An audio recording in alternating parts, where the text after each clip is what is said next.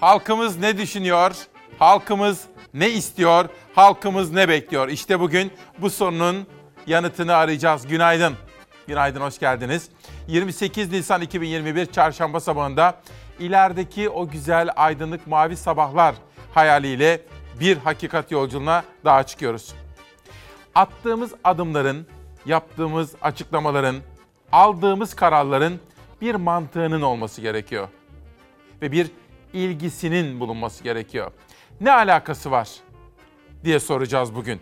Hikayesini sizlere detaylı olarak anlatacağım. Bugün İsmail Küçükkaya ile Demokrasi Meydanı'nda ana öykümüz tam kapanma kararının perde arkası. Bilim insanları ne diyor?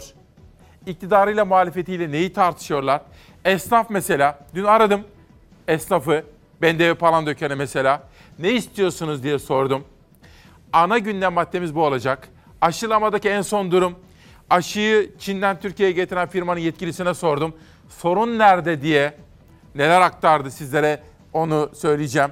Bunun dışında eğitim. Dün akşam TRT'deydi Milli Eğitim Bakanı. Özel manşetleri var. Süleyman Soylu İçişleri Bakanı bu tam kapanmadan sonra istisnalar konusunda Anadolu Ajansı'na açıklamalar yaptı. Onun haberleri var. Muhalefet partilerinin grup toplantı salonlarından yansımalar, MHP'den İyi Parti bugün konuşacak HDP'ye bütün partileri sizlere aktaracağım. Sıtkı Hamidi Batman'dan sizlere selamları var. Günaydın Türkiye. Bugün ne alakası var diyorum ve yönetmenim Tomakin'den rica ediyorum. Hürriyet gazetesiyle manşetleri okumaya başlıyoruz. Hürriyet. İşte böyle kapanıyoruz demiş. Türkiye yarın akşam 19'dan itibaren 17 gün tam kapanmaya gidiyor. Peki kısıtlamaların detayları neler? İşte merak edilen soruların yanıtları. Bakkaldan alışveriş serbest. Market, bakkal, manav açık mı? Soru bu. Evet açık. Market açık, bakkal açık, manav açık. Bu dükkanlar ile kuru yemişçi ve tatlıcılar 10 ile 17 saatler arası açık. Peki mahalle dışına çıkabilir miyim? Sadece zorunlu ihtiyaçlar için araç kullanmadan en yakın dükkana gidebiliriz. Peki lokantalar, kafeler, restoranlar hizmet verecek mi? Restoranlar, kafeteryalar, pastane gibi yeme içme yerleri sadece paket servis yapabilecek. Oturup yemek yemek yok. Şehirler arası seyahat konusuna gelelim. Nasıl olacak bu iş? Zorunlu hal resmi belgesi olmayanlar şehirler arası seyahat yapamayacak. Mutlaka izin belgemiz olacak. Dün İçişleri Bakanı Süleyman Soylu talimat verdi bütün illere. Dedi ki şehirlerin giriş ve çıkışlarını çok sıkı kontrol edeceksiniz. Peki kısıtlamadan önce bilet alanlar ne yapacak? Bu kişiler biletlerini gösterip seyahat izin belgesi alarak seyahat edebilecekler. Bir başka soru daha vardı, aydınlandı o da. Otel ve dinlenme tesisleri açık mı? Evet açık. Ama buralardan sadece seyahat izin belgesi olanlar yararlanabilecek. Ancak yasaklar başlamadan önce bir otele gidenler 17 gün çıkmamak şartıyla buralarda kalabilirler diyor. Bugün işte dün başladığımız tane tane sade yalın bir dille anlama çalışmasını ve çabasını sürdüreceğiz. Günaydın. 28 Nisan'ın hava durumuyla başlıyoruz. Gün güneşli başlıyor, zamanla batıda hava kapatıyor. Yurdun en doğusuyla İç Ege'de hafif yağış var. Sıcaklıklar artışta ancak batıda kapalı hava serinliği beraberinde getirebilir. Bugün yurdun hemen hemen tüm kesimlerinde gün güneşli başlayacak. Gün içinde Ege ve Marmara'da bulutlanma artacak. Ege'nin iç kesimleriyle Marmara'nın güneyinde hafif yağış geçişleri görülebilir. Yurdun en doğu hattında da hafif yağış ihtimali var bugün. Sıcaklıklarsa artmaya devam ediyor. Dünden bugüne sıcaklık artıyor ama batıda bulutlar güneşin önünü kapatınca Marmara ve Ege'de hava bir miktar serin hissedilebilir. Ege ile İç Anadolu'da güneyli yönlerden esmesi beklenen rüzgar zaman zaman kuvvetlenebilir bugün. Yer yer fırtına şeklinde esebilir. Fırtına güneyden üzerimize sıcak hava ve bir miktar çöl tozu taşıyacak. Çarşamba gece iç kesimlerle Akdeniz üzerinde yoğunlaşacak bulutlar. Perşembe sabah saatlerinde Akdeniz bölgesiyle İç Anadolu'da gün çok bulutlu başlayabilir. Marmara ve Ege bölgelerinde gökyüzü bugünden yarına daha açık olacak. Perşembe öğleden sonra ise Orta ve Doğu Karadeniz'le İç Anadolu bölgesinin doğusunda yağış bekleniyor. Doğu Anadolu'nun en kuzeyindeki illerde bölgesel ve hafif yağmurdan nasibini alacak. Bugün olduğu gibi Perşembe günü de yurdun batısıyla iç kesimlerinde güneyden esen rüzgar zaman zaman kuvvetlenecek güçlenip fırtınaya dönüşüyor. Güneyden çöl tozu taşıyan fırtına beraberinde sıcak havada getiriyor. Cuma günü iç kesimler ve doğuda yeniden bir bulut geçişi var. Bulut geçişi hafif yağışı da beraberinde getirebilir. Sıcaklıklarda değişim yok. Hava ılık. Ege, Akdeniz ve Güneydoğu Anadolu'da ise sıcaklıklar bahardan öte yaz mevsimini hatırlatıyor. Bugün ne alakası var dedik efendim. Bir alaka, bir ilgi kurmamız gerekiyor. Aldığımız kararların, uyguladığımız yürürlükteki düzenlemelerin veya attığımız adımların bir mantığının olması gerekiyor. Dün sosyal medyada bu konuda çok yaygın bir şekilde sorular ve şikayetler vardı. Bugünkü hikayeyi buradan anlatacağım sizlere. Hürriyetten sözcüye geçelim. Bu arada Hürriyet gazetesinin manşetinde tarihçimiz İlber hocamız konuşmuş. İki gündür sizlere aktarmaya gayret ettiğim gibi sözde soykırım yalanı ve bunun tarihsel gerçekliklerini bugün aktarmış İlber Ortaylı hocamız. O da Hürriyet'in manşetinde. Sözcünün manşetinde de bakın Yılmaz Özdeli bir haber var. Millet ne yiyecek? Soru bu. Destek olmadan tam kapanmaya büyük tepki yağdı.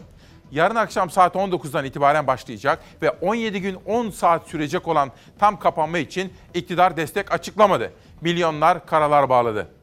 Bakın Yılmaz Özdil'den kapanma tweet'i. Nasrettin Hoca türbesinde tam kapanma kapısında kilit var etrafı açık diyor. Ölüm ve vaka sayılarını 5000'in altına düşürmek için alınan kapanma kararı sağlık açısından olumlu bulunsa da geçim bakımından zorlayıcı olacak.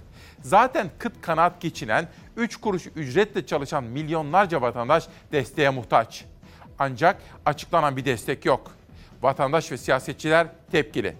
CHP'li Veli Ağbaba halka virüsten değil ama açlıktan ölebilirsiniz dediler yorumunu yaptı.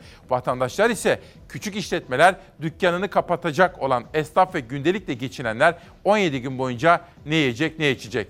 Bizi düşünen yok mu diye feryat ediyor ancak duyan yok. İşte Cumhurbaşkanı Erdoğan tarafından açıklanan tam kapanma kararı doğru dedik. Ama destek paketi şart demiştik. İşte Türkiye'nin temel gündemi bu.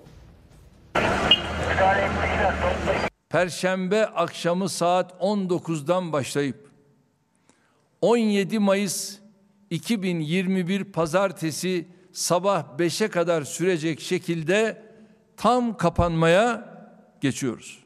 Yaraya acı bir pansuman basıyoruz bu sefer de. E, bir miktar işe yarayacaktır tabii ama e, bunun sonunu da çok iyi getirmek gerekiyor. Hem geç e, hem eksik ve yetersiz e, hem de bazı grupları çok mağdur edecek ve çok zorlayacak bir süreç. Perşembe akşam başlayacak 17 gün sürecek. Kabineden bayram sonuna kadar tam kapanma kararı çıktı. Her kademede eğitim uzaktan olacak, iş yerleri kapanacak, kesintisiz sokağa çıkma yasağı uygulanacak. Şehirler arası seyahat izne bağlı olacak. Ancak fabrikalar gibi kısıtlamadan muaf olan iş yerlerinin ya da çalışanların 43 maddelik listesi uzun. Uzmanlara göre hem geç kalındı hem de o liste nedeniyle tam kapanma diyebilmek güç. Çarkların dönmeye, işçilerin çalışmaya devam ettiği önlemler dizisine tam kapanma denemez. Bu tam sokağa çıkma yasağı olmuş. Kapının önüne bile inemediğiniz ama işe gitmek için bazı düzenlenmiş belgelerle yollara düştüğünüz bir süreç. Kısmi kapanma salgının ateşini düşürmeye yetmeyince tam kapanma kararı geldi.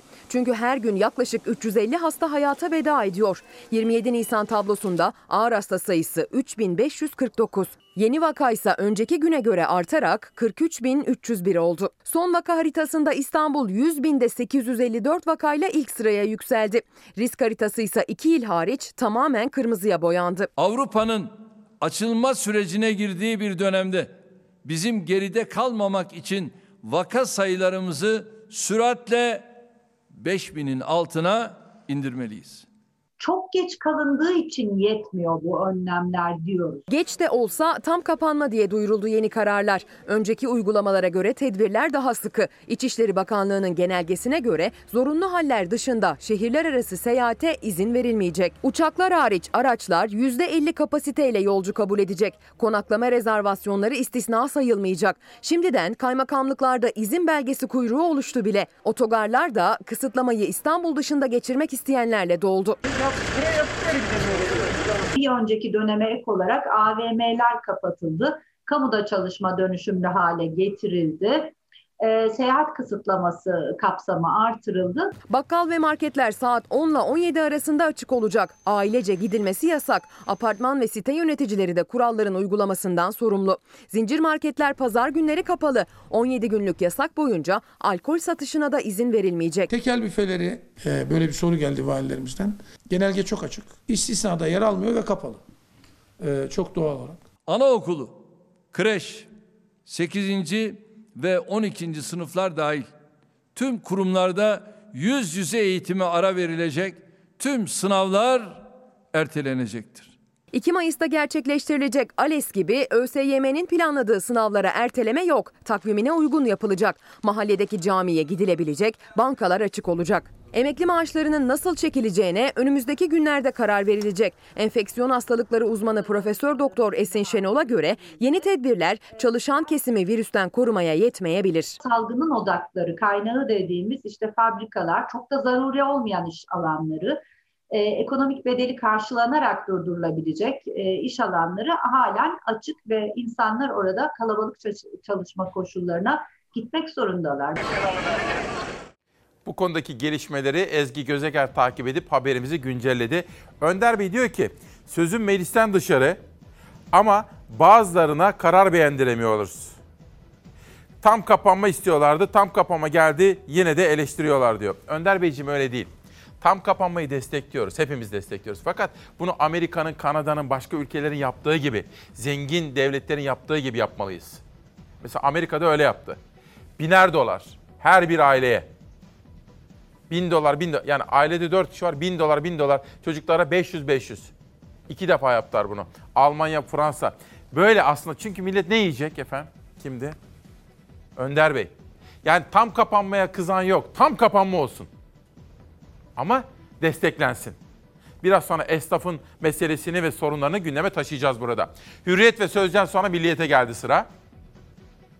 Hani İlber Ortaylı hocam Hürriyet'in de manşetindeydi. Bakın tarihin tahrifi yok hükmünde. ABD Başkanı Biden'ın 1915 olayları için soykırım açıklamasına genel kuruldan başkanlık tezkeresiyle yanıt veren Türkiye Büyük Millet Meclisi iddialar için iftira dedi. İlk gün ne demiştik efendim bu hafta? Tümüyle reddediyoruz. Joe Biden'ın 85-86 yaşındaki bir adamın tek başına almış olduğu bir karar ve bunun yansımalarını tümüyle reddediyoruz diyor ve bir sonraki gazeteye geçiyorum. Cumhuriyet. İktidardan salgınla ilgisiz yasaklar üzerinden yaşam tarzına müdahale. Mesele alkol değil. Kapanmada içki satışı da yasaklandı. Salgını bahane ederek kendi ideolojisini halka dayatan iktidar 17-17 günlük kapanma boyunca alkol satışını da yasakladı. Türkiye Tekel Bayileri Platformu Başkanı Özgür Aybaş, keyfi kararla binlerce esnaf kepenk kapatacak. Ramazan ayında alınan bu kararın ne kadar manidar olduğundan şüphe yoktur dedi. Ülkeye şeriat mı geldi? Tepkileri yükselirken hukukçular laik devlette kamusal yaşam dinsel kurallara göre biçimlendirilemez. Yasağın hiçbir hukuki dayanağı yok. Salgınla ilgisi olmayan alkol satışı yasakken namaz serbest. Özgürlükler kısıtlanıyor yorumunu yaptı. Seyhan Avşar ve Furkan Karabay bu konudaki gelişmeleri irdelemiş ve Cumhuriyet Gazetesi adına haberleştirmiş efendim. Bugün köşe yazılarını okurken Çiğdem Toker'den, Sözcü'den başlayarak Akif Bekir'e karara kadar çok sayıda gazeteci de bu konuda alaka sorgulaması yapmışlar. Bu içki yasağının pandemiyle mücadelede alakası nedir demişler. Hem Çiğdem Toker hem de Akif Beki başka pek çok yazarla birlikte bu soruların peşine düşmüşler efendim. Onu da altını çizelim. Şimdi bu arada bir üzüntü verici haber var efendim. Ama uyarı mahiyetinde bunu mutlaka sizlerle paylaşmak gerekiyor. Kayıp kayıplarımız var ama çok ama çok dikkat edelim. Kederli ailelerine başsağlığı dilerken sizlere de aman diyorum çok ama çok dikkatli olalım. Üzücü olan iki can kaybı e, şu an yangın kontrol altında. Elektrik kontağından yangın çıktı. Alevler kısa sürede evi sardı, komşu evlere sıçradı. Alevlere teslim olan evlerden birinde iki kişi can verdi. E, maalesef 92 yaşında bir teyzemizle 65 yaşlarında onun kızı e, içeride kalarak can verdiler. İki can kaybı maalesef bizleri tabii üzdü. Kastamonu'nun Pınarbaşı ilçesine bağlı Demirtaş köyünde çıktı yangın. Akşam saatlerinde yükselen alevlerin elektrik kontağından çıkmış olabileceği tahmin ediliyor. 5 kişinin yaşadığı evde başlayan yangın hızla evi sarıp komşu iki eve de sıçradı. Neyse ki komşu evlerde yaşayan yoktu. Pınarbaşı Belediye Başkanı Şenol Yaşar, itfaiye yangın yerine ulaştığında 3 ev ve bir otomobil yanmıştı dedi.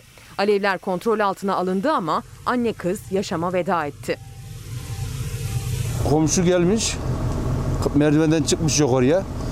Kurtaralım diye, kurtaramamış. Yani alevler üzerine gelince dolanmışlar şey tarafına, balkon tarafına, merdiven dayamışlar. Atlayın aşağı demişler ama atlayamamış kadın demek, cesaret edemediler. Onlar da yukarı çıkamıyor. Yangın haberini alıp yardıma koşan Demirtaş Köyü muhtarı Salim Davut anlattı. Köylü anne kızı ön kapıdan çıkaramadı, alevler evi sarmıştı dedi. Evin arka cephesindeki balkondansa atlamaya cesaret edemediler. 92 yaşındaki Fatma Yılmaz'la 65 yaşındaki kızı Cemile Yılmaz alevlerin arasında yaşama veda etti. Yangın kısa sürede komşu evleri de sardı. Yarım saat sonra da iki, ikinci eve sıçradı, üçüncü eve sıçradı. Yangında bir arabayla üç ev küle döndü. Alevlerden geriye iki can kaybının acısıyla büyük bir enkaz kaldı. Ben yangından da çok korkarım. Küçükken de böyle tam bulunduğumuz mahallede de büyük bir yangın da olduğu için aman diyorum efendim çok dikkat edin. Bir de dün sizlere bahsetmiştim Yüksel Kayrak annemiz de düşmüştü. Kendi annemize babamıza da hep bunu tembih edelim. Evde çok sakin, çok yavaş. Çünkü yaşımız ilerledikçe düşmeler büyük tehlike arz ediyor efendim. Aman dikkat edelim. Ama Yüksel annemizin durumu iyi. Uyanan Çalarsat ailesi bakın. Can Kaynar da, Leyla Tatar, Fatma Kandemir. Onlar her sabah 8'den 11'e kadar istisnasız uyanırlar ve demokrasi meydanına fikirleriyle, yorumlarıyla katkı sunarlar efendim. Kendilerine çok teşekkür ediyorum. Ve Cumhuriyet Gazetesi'ndeki alkol yasağı ne diyorsunuz efendim bu konuya? Ne dersiniz? İçişleri Bakanı da dün dedi ki soru işareti yok. 17 gün boyunca alkol yasağı var dedi. Sosyal medyada muazzam sorular vardı, muazzam eleştiriler vardı. Sizin yorumlarınızı merak ediyorum. Ben kendi yorumumu biraz sonraya saklayacağım. Mesele alkol değil diyor Cumhuriyet Gazetesi. İktidardan salgınla ilgisiz yasaklar üzerinden yaşam tarzına müdahale. Bu konudaki görüşlerinizi benimle paylaşabilirsiniz. Ben de öğrenip kamuoyuna aktarma imkanı bulurum. Cumhuriyet'ten sonra Türk Gün Gazetesi'nde Joe Biden'la ilgili bir manşet okuyacağız. Devlet Bahçeli'nin buradaki net tutumu. Lobilerin oyuncağı diyor. MHP lideri Bahçeli, Bay Başkan Türk milletine sözde soykırım iftirası atacak en son ülke bile siz değilsiniz. Kısacık melez tarihinde nice rezaletlere imza atan ülke olduğunuzu hatırlayarak gerçeklerle yüzleşmenizin bizatihi sizi onurlandıracaktır diyor Devlet Bahçeli. Mesela bence de doğru. Çünkü Amerika Birleşik Devletleri'nin Irak'ta 1 milyon kişiyi öldürmesi, Afganistan'da 30 yıl devam eden savaşlar, Vietnam, Orta Doğu, Latin ülkeleri, darbelerle ülkeleri yönetme çabası ve bunun halklar üzerindeki olumsuz etkileri Amerika Birleşik Devletleri Sayın Bahçeli'nin de ifade ettiği gibi önde, önce kendi gerçeklikleriyle yüzleşmelidir diyor ve bir sonraki gazeteye geçiyorum. Bir gün. Halkı açlıkla sınayacaklar. Hava Gümüşkaya'nın haberi. Devletten sıfır destekli 17 günlük kapanma yarın başlıyor. Sadece İstanbul'da 180 bin dükkan kepenk indiriyor. Milyonlar çaresiz diyor. Bu haberi okuyacağım ama önce bir soru. Bazen sık tekrar ediyorum bu soruları ama iyice yerleşsin zihinlere ve kalplere. Biz neden bu kadar mücadele veriyorduk? Mavi bir geleceğe ulaşmak için. Ülkemizi çok sevdiğimizden. Peki ülkemizi gerçekten büyük bir devlet, gerçekten müreffeh bir toplum haline getirmek, bu hayali gerçekleştirirsek ne görecektik biz? Tabii ya emeklilerimiz gün yüzü görecekler. Kadıköy ilçe sınırları içerisinde 15 Mayıs'a kadar her türlü basın açıklaması kaymakamlık tarafından yasaklanmıştır. Kiminin kalbi var, kimi bilmem ne rahatsızlığı var. Şurada merdivenlerde oturalım sonra Me- yok merdivenle bu alanın içerisinde. Bak burası bir şey, şey yapıyor. Bu alanın içinde oturma yok. siz de bu yaşa geleceksiniz. Bizim gibi olacaksınız. Söyledim ben. Emekli sendikaları kapatılmasın diye emekliler İstanbul'da Kadıköy iskelesinde bir araya gelmek istedi ama polis yasak dedi. Sendika önlükleriyle yürümelerine bile izin verilmedi. Bu alanda bekleme yok. Arka tarafa gidip arkada bekleyebilirsin. Burada basın açıklaması yap- yapmak yasaktır, toplanamazsınız diye müdahale ederiz diyorlar bize. Ben bununla geldim. Soyacak mısınız beni burada? Önüne çıkar yürü. Niye yürüyeceğim ki Allah? Emekleri bu halde örgüsüz bırakmak da bu geçim sıkıntısını gördükleri yerden Bu adamların sesi çıkmasın diye üstüne çarşaf örtüyorlar. Emekli sendikaları kapatılmak isteniyor. Sebebi yasalarda emekliler sendika kurabilir hükmünün olmaması. 30 Nisan'da İstinaf Mahkemesi'nde duruşma var. Hukuk mücadelesi veren tüm emekliler sendikası o karar öncesi eylemdeydi. Derdimizi anlatmak için sendika kurduk dediler. Geçim dertlerini anlattılar. Ha, nasıl geçiniyoruz? En güzel halk dilimiyle beraber kep değiştirerek geçiriyoruz. Nasıl oluyor? Ha, İşte Ahmet'ten alıyoruz, Mehmet'e, Mehmet'ten alıyoruz, Ahmet'e bu arada dolaşırken geçinmeye salıyoruz. Ayın onun da bitiyor en fazla. Neler ödenmiş oluyor, neler geriye kalmış oluyor? Kiralar, faturalar bunlar ödeniyor. Ne kalıyor geriye? Bir şey kalmıyor. Geriye kalan insanın yeteceğine de yiyeceğine de yetmiyor. En kötü bir ev 1 milyar lira. Faturalarıyla beraber 1500 lirayı buluyor. 200 lirayla bu kişi hem geçimini idame ettirecek hem de yaşantısını sürdürecek. Bu mümkün değil. Sabit maaşla artan fiyatları yakalamamız mümkün, karşılamamız mümkün değil. Bunun sonucu ne oluyor? Yiyeceğimizden kısıyoruz. Bugün emekliyle ilgili çok haber yaptık efendim. Çünkü hani dedik ya 1500 lira olsa en azından bayram ikramiyeleri ne kadar oldu? Biliyor musunuz ne kadar oldu? Ne kadar olmuştur efendim? Bayram ikramiyeleri. 1000 liraydı. Kaç sene sonra? 1100 lira oldu. Ne yapacağız ki 1100 lira? 100 lira zam. 1500 lira olsa en azından şu mübarek Ramazan bayramından önce, mübarek Kurban bayramından önce bir parça iyi gelirdi insanlara. Bunun haberi var biraz sonra size aktaracağım. Bu arada Volkan, izleyenlerimizden Volkan diyor ki, günaydın. Kızımın eşi, adı Ferit Başpınar, 4 gün önce Covid oldu. Tedavisine başlandı. Dün doktor hastaneye yatması gerekiyor dedi. Ama devlet hastanelerinde tek bir yer bile yoktu, tek bir yatak bile yoktu. Dün akşamdan beri hiç durmaksızın özel hastanelerde yer arıyoruz diyor. Ferit Başpınar hasta olmuş ve doktor hastaneye yatman lazım demesine rağmen yatak bulamamışlar efendim. Tekrar ediyorum emeklimizin bayram ikramiyesi 1100 lira oldu. İktidar bir gün gazetesinden okuyalım. İktidar uzmanların tüm çağrılarına kulak tıkayarak 40 bine yakın can kaybı sonrası 17 günlük kapanma kararı aldı. Cumhurbaşkanı Erdoğan açıkladığı tam kapanma yaşamı durduracak ancak bu süreçte çarklar dönmeye devam edecek. İçişleri Bakanlığı'nın yayımladığı genelgeye göre kapanma sürecinde üretim yerleri, inşaatlar ve fabrikalarda işçiler çalışmayı sürdürecekler. Bu süreçte dünyanın her ülkesinde devletler vatandaşına yardım akıtırken Türkiye'de sıfır destekle yola çıkılıyor. Alınan kapanma kararıyla sadece İstanbul'da 180 bin esnaf kepenk indirecek. Kafe, lokanta, pastane gibi faaliyet kollarında çalışan 17 bin işletmenin ise çalışma şartları sınırlandırıldı. Ülke genelinde kapatılan AVM'lerde çalışan 520 bin kişi ise endişeli diyor efendim.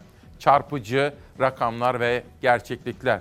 Az evvel hayalini kurduğumuz ülke tablosuna ulaştığımızda emeklimizin gün yüzü görmesinden bahsetmiştim. Bir de işte şimdi yanındaki yanınızdaki çocuklarımızın rahat ve özgür bir ülkede, güzel çevrede, temiz hava soluyarak, temiz toprakla buluşarak, temiz su içerek büyümelerini istiyoruz. O nedenle bizim milliyetçiliğimiz başkalarının milliyetçiliğine benzemiyor. Yani gerçek milliyetçiler ülkesinin taşını, toprağını, deresini korurlar. Bağımızı bahçemiz bütün toz içinde kalacak. Yaşam istiyoruz. Torunumuza, torunumuza, geleceğimize yaşam istiyoruz. Biz çiftçilik yapıyoruz. Bahçede gezerken, buradaki çakal ocağı varken bahçeden bir tane elma koparıp yiyemiyorduk. Biz bugünlere geri dönmek istemiyoruz. Taş ocağı yeniden faaliyete geçecek. Ancak hemen yakınındaki köyde yaşayanlar eski günlerine geri dönmek istemiyor. Ben Kabadaş Alanbaşı mahalle sakinlerinden İbrahim'im. Evimizde balkonumuzda oturmak istiyoruz. Penceremizi açmak istiyoruz. Buraları hep önceden de bir çakıl ocağı geldi.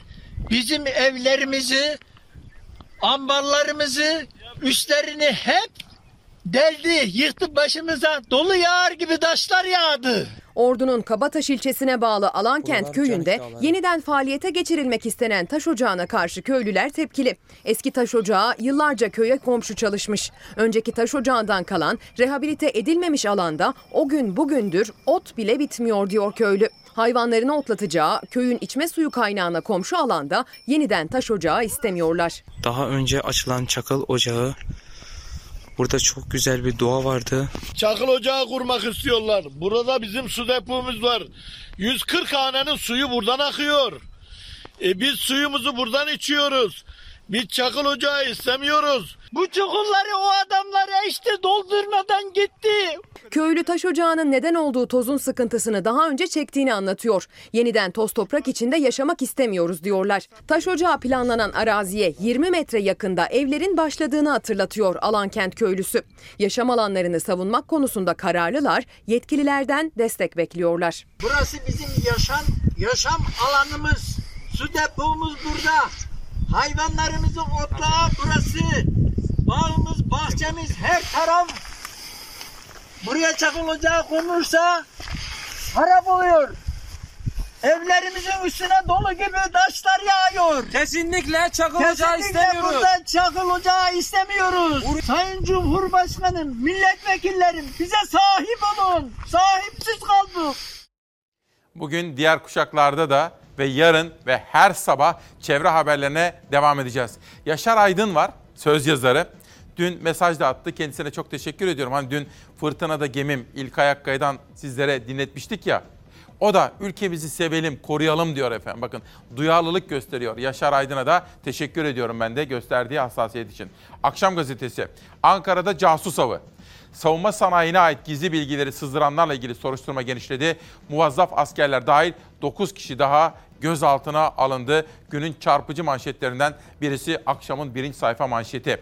Akşamdan sonra Pencere gazetesine geçeceğim.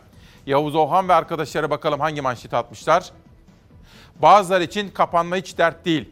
Kapanmanın ardından milyonları geçim derdi sardı. Tam kapanma kararı ekonomik ve sosyal tedbirler olmadan açıklandı. Farklı kesimlerden milyonlar gelir kaybını ve durmayan giderleri düşünürken kamu özel işbirliği projesini yapanlar rahat çünkü onların gelirleri garanti diyor. Sırada bir haber var. İleride filmi olacak, ileride romanları yazılacak. Bir gemi düşünün. O gemidekiler biraz sonra bu hayata veda edeceklerini biliyorlar ve bakın bu hayata nasıl veda ediyorlar. Geçen hafta Bali açıklarında kaybolan denizaltı mürettebatından kötü haber geldi. Endonezya denizaltısının enkazına ulaşıldı, 53 mürettebatın öldüğü açıklandı. Askerlerin denizaltı içinde söylediği Elveda şarkısının görüntüleri hüzne boğdu. Siap untuk merindu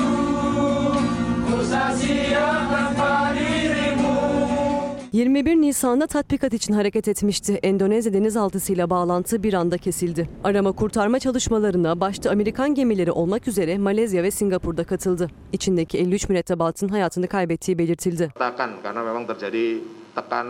Endonezya ordusu denizaltı mürettebatının söylediği Elveda şarkısını paylaştı. Ordudan yapılan açıklamada askerlerin aralarından ayrılacak arkadaşları için şarkıyı söylediğine yer verildi. Onlar ölüme gideceklerini bilmeden söylediler Elveda şarkısını. Askerlerden geriye dudaklarından dökülen seni özlemeye hazır olmasam da sensiz yaşamaya hazır değilim sözleri kaldı. Ku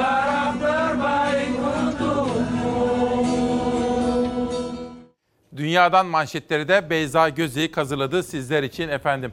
Pencereden fanateye geçiyorum. Bu akşam aslında bugün maçlar var ama bu akşam 20.30'da ligin zirvesini çok yakından etkileyecek büyük bir maç var efendim. Rize'de Rize Spor'la Beşiktaş karşılaşacak. Dün Rize Spor'un başkanı diyordu ki belki berabere kalırız ama Beşiktaş'a yenileceğimizi zannetmiyorum diyor. Beşiktaş Başkanı Ahmet Nur Çebi de herkes bizim aleyhimize ama biz kazanacağız ve şampiyon olacağız diyor. Süper Lig'de büyük heyecan. Bugün 16'da başlayıp 20.30'daki nefes kesen maçlarla devam edecek. Muhteşem çarşamba diyor. Fenerbahçe'nin de Galatasaray'ın da dikkatle takip ettikleri maç Çaykur Rizespor'la Beşiktaş arasında 20.30'da ka- oynanacak. Göztepe Trabzonspor arasında İzmir'de müthiş bir maç daha var 16'da. Galatasaray da Konyaspor'la 20.30'da oynayacak efendim ve heyecan dorukta uzun yıllardır 3 büyük takım arasında hatta Trabzonspor da iyi oynuyor. Onu da dahil edelim. 4 büyük takımın zirvede yer aldığı bir sezon çok nadir görmüştük efendim. Kamuda çalışanlarla ilgili bir haber hazırladık. Yaklaşan Ramazan Bayramı ve kamu çalışanları. Tam kapanmaya geçiyoruz. Tam kapanma kararının ardından kamuda bayram tatili uzatıldı. Kamu çalışanlarının bayram haftasındaki iş günlerinde idari izinli sayılması kararlaştırıldı. Kamuda bayram tatili 9 güne çıktı. İnşallah bu fedakarlıklarımızın karşılığını bayram sonrası hep birlikte alacağız. Perşembe akşamından itibaren Türkiye tam kapanmaya geçecek. 17 Mayıs'a kadar sokağa çıkmak yasak olacak. Kapanma kararında kamu kurumlarındaki çalışma şekli yeniden düzenlendi. Hizmetlerini sürdürecek olan kamu kurumlarındaki personel uzaktan veya dönüşümlü çalışmaya yönlendirilecektir. Uzaktan çalışan kamu personeli de sokağa çıkma sınırlamasına tabi olacaktır. 12 Mayıs çarşamba Ramazan bayramının arefesi yani yarım gün tatildi kamuda. 13 ve 14 Mayıs'ta yani bayramın 1 ve 2. günü tam gün. Cumhurbaşkanlığı kararıyla bayramdan önceki pazartesi, salı ve çarşamba günü için kamu personelinin idari izinli sayılacağı açıklandı. Karar doğrultusunda 10 ve 11 Mayıs'ta kamu personeli tam gün, 12 Mayıs'ta ise yarım gün idari izinli sayılacak. Böylece bayram izni 9 güne çıkmış olacak. Kamu çalışanları 17 Mayıs'ta işbaşı yapacak.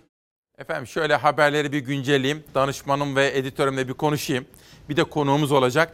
Bugün ne alakası var dedik. 28 Nisan 2021 çarşamba sabahında İsmail Küçükkaya ile Demokrasi Meydanı'nda tam kapanmaya evet ama bunun destek paketi nerede sorusuna bakacağız. Alkol yasağı konusunu da gündeme taşıyacağız. Amacı ne? Alakası ne? Sorgulama yapacağız. İktidardan ve muhalefetten burada açıklamalar geliyor. Günün ilk kitabını da tanıtalım. Bihter Can, Haris Kadınlar isimli kitabıyla bizimle birlikte ve imzalamış bize de göndermiş efendim. Kendisine çok teşekkür ediyorum. Reklam molasından sonra devam edeceğiz. 28 Nisan 2021 Çarşamba sabahından günaydın. İsmail Küçükkaya ile Hakikat Yolculuğuna hoş geldiniz. İlk selamımız her zaman olduğu gibi hastalarımıza ve onlarla ilgilenenlere. İkinci selamımız cezaevlerindeki kader mahkumlarına. Onlar özgür günleri ve özgür günlerde sevdikleriyle kavuşabilmeyi dört gözle bekliyorlar. Kader mahkumlarını da selamlıyorum. Emeklilerle ilgili bir haberim var. Söz vermiştim. Ama önce ne alakası var? Bunun hikayesini de sizlere anlatacağım. Attığımız adımların, aldığımız kararların uygulanacak olan değişiklikler ve düzenlemelerin bir mantığının olması gerekiyor efendim. Bunun hikayesini sizlere detaylı olarak anlatacağım. Şimdi gazetelere bakacağız. Sözcü. 17 gün boyunca alkol satışı yasaklandı. Binlerce tekel bayisi perişan olacak. İktidarın alkol satışını yasaklaması 200 bin esnafı isyan ettirdi. Esnaf senetler, krediler var, yandık bittik diyor. Hafta sonu uygulanan sokağa çıkma yasaklarında alkol satışına izin verilmiyordu. Şimdi bu uygulama 17 günlük tam kapanma boyunca sürecek. Binlerce tekel bayisi senetler, krediler var, yandık bittik diyor. Tekel bayileri karara tepki göstererek bu yapılan özel yaşama, yeme içme kültürüne karşı açıkça darbedir. Ve korona bahane, yasaklar şahane dedi. Bugün Sözcü gazetesinin manşetinde işte bu var efendim. Haberi izleyeceğiz. Esnafımızın haberlerini de sizlere aktaracağım. Bunun dışında emeklimizle ilgili manşeti, özel dosya haberimizi şimdi sizlere sunacağım. Ama dönüşte biraz konuşmak için size bir soru soracağım. Haber izlerken zihin cimnastiği yapalım olur mu? Şu, bizim çok sevdiğimiz ülkemizin, kıymetli halkımızın, halkımızın yönetildiği rejimimizin yani devletimizin adının ve sisteminin vazgeçilmez temel özellikleri var. Değiştirilmez. Değiştirilmesi teklif dahi edilemez.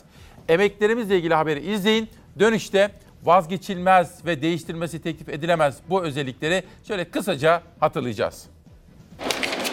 En az 2000 lira olsun. Hadi yapamıyorlarsa bari artışları da göz önünde bulundursunlar. 1500 lira yapsınlar bari. 1200'ü verirlerse yat kalk dua et diyeceğim yani. Başka bir şey demeye gerek yok. Emekliler zamlı bayram ikramiyesi için 2000 liranın 1500 liranın hayalini kurdu ama bekledikleri olmadı. Bayram ikramiyelerinin %10'luk zamla 1100 lira olacağını açıkladı Cumhurbaşkanı Erdoğan. En az en az ki hayal tabii de 2500-3000 lira gibi bir şey olacak ki insanlar biraz nefes alsın. Olur mu o kadar? Aya çıkarız ama o iş olmaz. İlk kez 2018 yılında verilmeye başlandı emeklilere Ramazan ve Kurban Bayramı öncesi ikramiye. 2018'den beri de o ikramiye 1000 lira olarak kalmıştı. Zam haberini 11 Nisan'da Cumhurbaşkanı Erdoğan açıkladı. Enflasyon oranında artış yapılan bayram ikramiyelerinin Ramazan'daki ilk ödemesini Mayıs başında gerçekleştireceğiz. Cumhurbaşkanı enflasyon oranı demiş bir oran belirtmemişti. Milyonlarca emekli hesap yaptı hayal kurdu aradan geçen iki haftada. Bir buçuk olsun. Belki e, beni dinleyenler az diyecekler ama ya ona da razıyız. Emeklilerin ikramiyelerine bir yıllık enflasyon oranında zam yapılsaydı 1116 lira olacaktı. 3 yıllık enflasyon dikkate alınsaydı ikramiye 1500 liraya çıkacaktı ama olmadı. Emekli ikramiyesine zam oranı %10'da kaldı. Sayın Cumhurbaşkanı enflasyon kadar vereceğim dedi ama hangi enflasyon? Cumhurbaşkanı Erdoğan enflasyon farkının 85 lira olduğunu söyledi. Bunun 100 liraya tamamlanacağını açıkladı. Yani emekliler bu yıl bayram ikramiyelerini 1100 lira olarak alacak. Güle güle harcasınlar yani bu kadar komik rakam bu şartlarda. Emeklilerin bayram ikramiyelerinin 3-7 Mayıs haftasında hesaplarına yatırılması bekleniyor. Şöyle aslında şık olan neydi biliyor musunuz? 2000 lira olsaydı. Hadi onu geçtim. Şıklık aramıyorum. Ama en azından makul olanı 1500 lira. Keşke şu mübarek Ramazan bayramında, mübarek Kurban bayramında 1500 lira verebilmiş olsaydık diyorum efendim. Ve bakın ta Hollanda'dan bir mesaj. Bu içki yasağı çok saçma. Bugün insanlar 20 günlük stok yapacak. Yine gündem için bir şey buldular. İnsanlar ne yiyecek, emekler ne yapacak diye düşünen yok. Bülent Türker Hollanda. Şimdi efendim bakın mesele şu. Gündem ne olmalı? Ekonomi olmalı. Mesela emekli. Sırada işsizlerle ilgili bir haberimiz var. Peki düşündük mü efendim? Bizim devletimizin çok sevdiğimiz bu ülkede yaşadığımız sistemin Cumhuriyetimizin temel nitelikleri nelerdir? Bana söyleyin hadi. Bizim devletimiz demokratik bir devlettir. Başka? Sosyal bir devlettir. Yani vatandaşını aç ve açıkta bırakmayacak, çocuklarını okutacak, sağlık hizmeti, eğitim hizmeti. Bu sosyal devlet. Demokratik ve sosyal bir devlettir başka? Hukuk devletidir, hukuk. Demokratik sosyal bir hukuk devletidir. Başka? Laik bir devlettir. Yani senin dinin sana, onun dini ona. Bizim dinimizde de zorlama yoktur. Ve laik sistem şudur. Kendi çatısı altında kim nasıl yaşarsa yaşasın ona müdahale etmez. Herkes istediği gibi ibadet edebilir, zorlama olmaz veya etmeyebilir. Veya başka dinde edebilir. Dün Ayhan Güler hocam aradı doktor Ankara'dan. Bir hastanede, hastanenin adını vermeyeyim. İsmail bir haber var dedi. Gelen bütün hastalar bana şunu soruyorlar. Alkol yasaklanmış. Hocam nereden çıktı dedim. Sonra anlattım işin aslını. Ben dedi sen beni biliyorsun ömrüm boyunca sigara içmedim, alkol ağzıma bile almadım. Ama dedi demokratik laik devlet ne demektir diye sorar mısın diye sordu efendim. İşte demokratik laik devlet nedir diye de günün temel sorusunu gündeme getirelim. Sırada işsizlerle ilgili bir haberim var ama önce alkol yasağı manşetinden geçelim Yeni Şafak'a. Hodri Meydan işte belgeler. İlk turda da Türk Gün Gazetesi'nden Sayın Devlet Bahçeli'nin buna benzer açıklamaları vardı biliyorsunuz. O da Joe Biden'a sert tepki göstermişti. Yasemin Asan'ın haberi okuyorum. Devlet Arşivleri Başkanı Profesör Uğur Ünal, Türkiye'nin 1915 olaylarına ilişkin tezlerinin sağlam belgelere dayandığını belirterek gerçekleri merak ediyorsa ABD Başkanı Biden'a belge gönderebileceklerini açıkladı. Uğur, tehcirde alınan tedbirleri, ihmali olan görevlilerin yargılanmasını ve 1919'da tarafsız komisyon kurulması için yapılan çağrıyı gösteren belgeleri Yeni Şafak gazetesiyle paylaştı diyor. Emeklerimizle ilgili haberi dikkatlerinize getirmiştim. Sırada işsizler, özellikle de genç işsizler meselesini şimdi huzurunuza getiriyoruz. Katiplik için geldim. Bir senedir işsizim. Üniversite mezunuyum. Özelde de çalıştım bir sene. İnşaat mühendisiyim aslında. KPSS'ye falan girdim, ALES'e girdim. İşte kendimi devlete atamaya çalışıyorum. Bayağıdır işsizim. Umut yani. Her açılan sınav bizim için umut. %26,9 olarak açıklanan genç işsizliğin görüntüsü Ankara Adliyesi'ne alınacak 220 sözleşmeli zabıt katibi kadrosu için başvuran binlerce gencin umut kuyruğu. 200 kişiye görüyorsunuz 4000 kişiye yakın bir insan var. Hala da gelmeye devam ediyor. Herkes bir umut peşinde. İşsizliğin en net görüntüsü belki de kuyruk Ankara Adliyesi'nin arka kapısından başlıyor.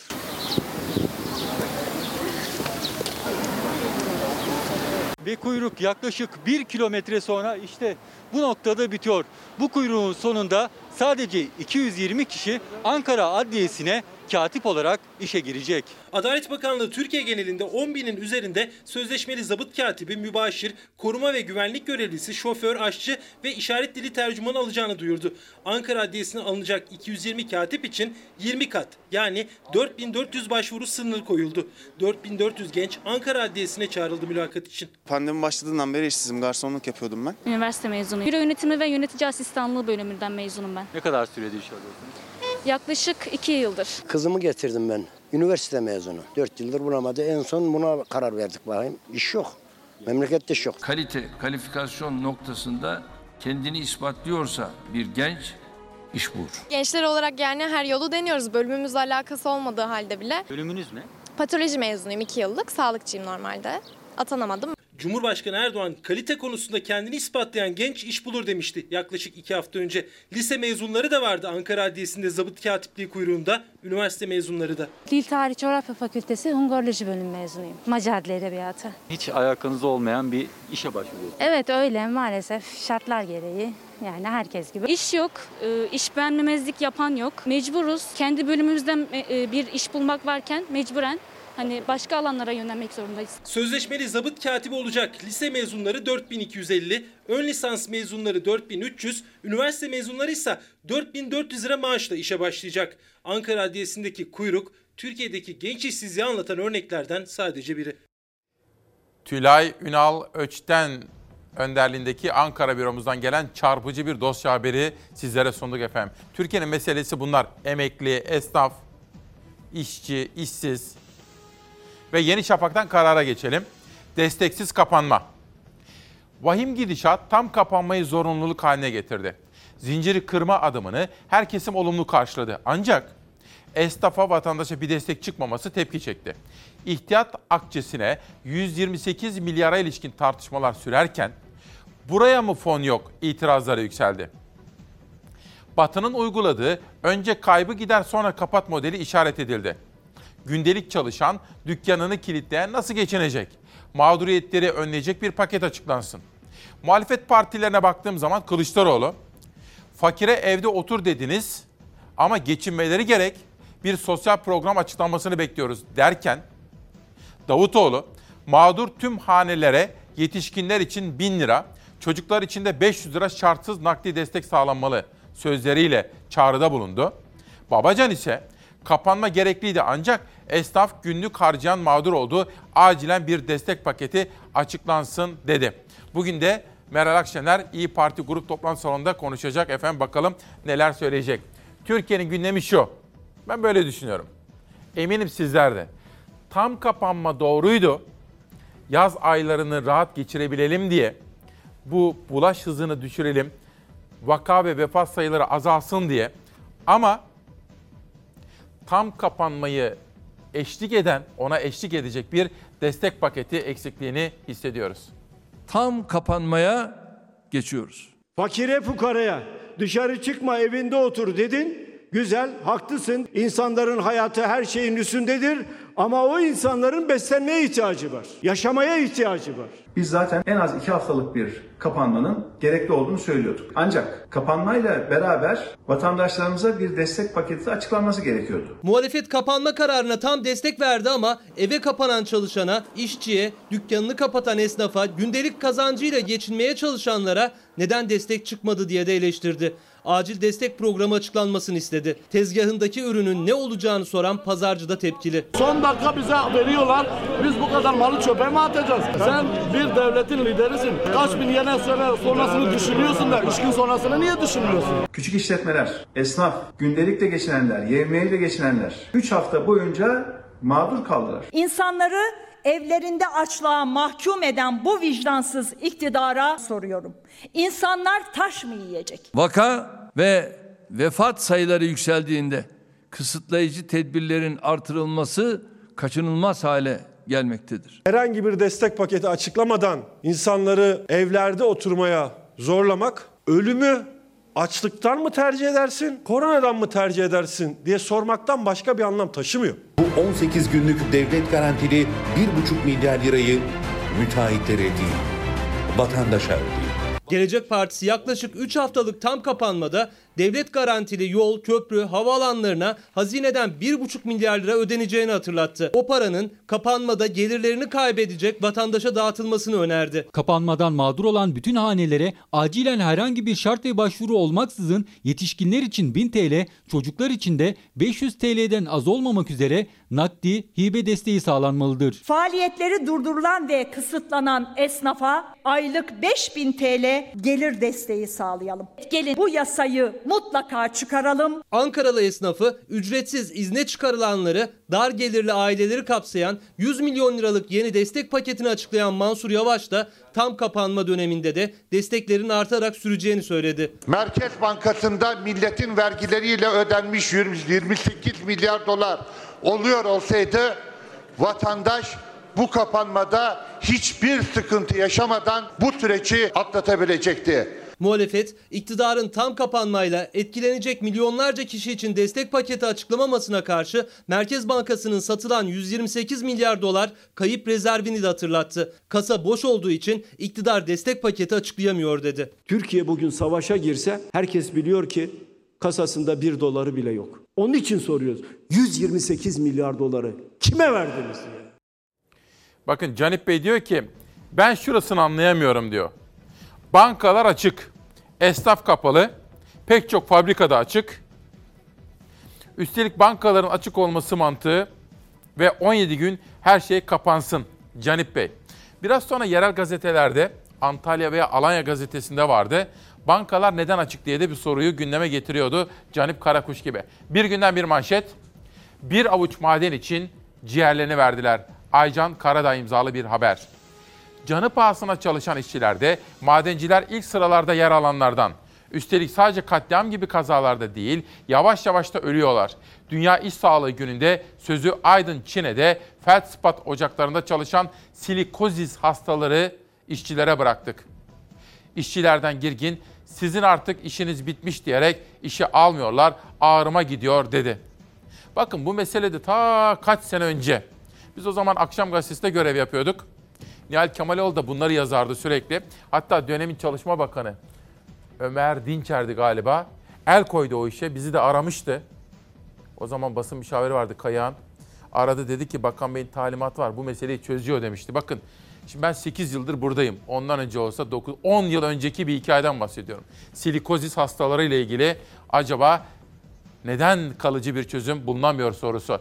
O tarihte Çalışma Bakanlığı o tarihteki taleplerini karşılamıştı. Yanlış hatırlamıyorsam ama bugün yayından sonra arşivleri karıştıracağım efendim. Bir günden Türkiye'ye geçelim. Heh, ilk turda Akşam gazetesinde vardı benzeri bir manşet hatırlayacaksınız. Bu kez Türkiye gazetesinde de görüyorum.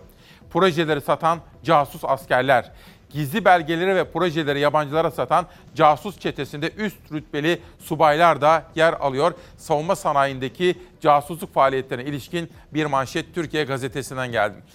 Farklı partilerin grup toplantı salonlarında aktarıyoruz. Bugün dediğim gibi İyi Parti lideri Akşener de konuşacak. Dün parti grup toplantı salonunda konuşan isimlerden biri de HDP eş genel başkanıydı. Kobani sürecinde neler yaşandığını bütün kamuoyu yakinen bilmektedir. Bu hukuki değil, siyasi bir davadır. 6-8 Ekim olayları davası başladı. HDP'den dava siyasi bir davadır çıkışı geldi. Aynı kapatma davasında olduğu gibi bu davada temelsizdir ve çökmeye mahkumdur. HDP'li isimlerin azmettirici olarak yargılandığı 6-8 Ekim olayları davasının ilk duruşmasının ardından partisinin grup toplantısında konuştu HDP eş genel başkanı Pervin Buldan. Adliye önündeki açıklamamıza dahi izin verilmezken çekim yapılmasına, basının çekim yapılmasına bile izin verilmezken duruşma başlangıcında yüze yakın avukat pandemi ve güvenlik gerekçesiyle içeri alınmazken salonun yarısı sevgili arkadaşlar asker ve polisle doluydu. HDP'li Buldan'ın gündeminde tam kapanma kararı da vardı. İktidarı eleştirdi. Yaklaşık 3 haftalık yine güvenceden ve destekten yoksun bir kapanma kararı aldı. İnsanlar taş mı yiyecek? İnsanlar tencerelerinde taş mı kaynatacak? Gelin bu zor günlerinde yoksulların, işçinin, emekçinin, esnafın, kadınların yanında olalım. Pervin Buldan parlamentoya da çağrı yaptı. Kapanma sürecinden etkilenecek vatandaşları destekleyelim dedi. Buradan parlamentoya özellikle çağrı yapmak istiyorum. Meclise verdiğimiz önemli bir kanun teklifi var. Tüm işsizlere Nisan, Mayıs, Haziran aylarında 3000 TL doğrudan gelir desteği sağlayalım. En düşük emekli maaşını 3000 TL'ye yükseltelim.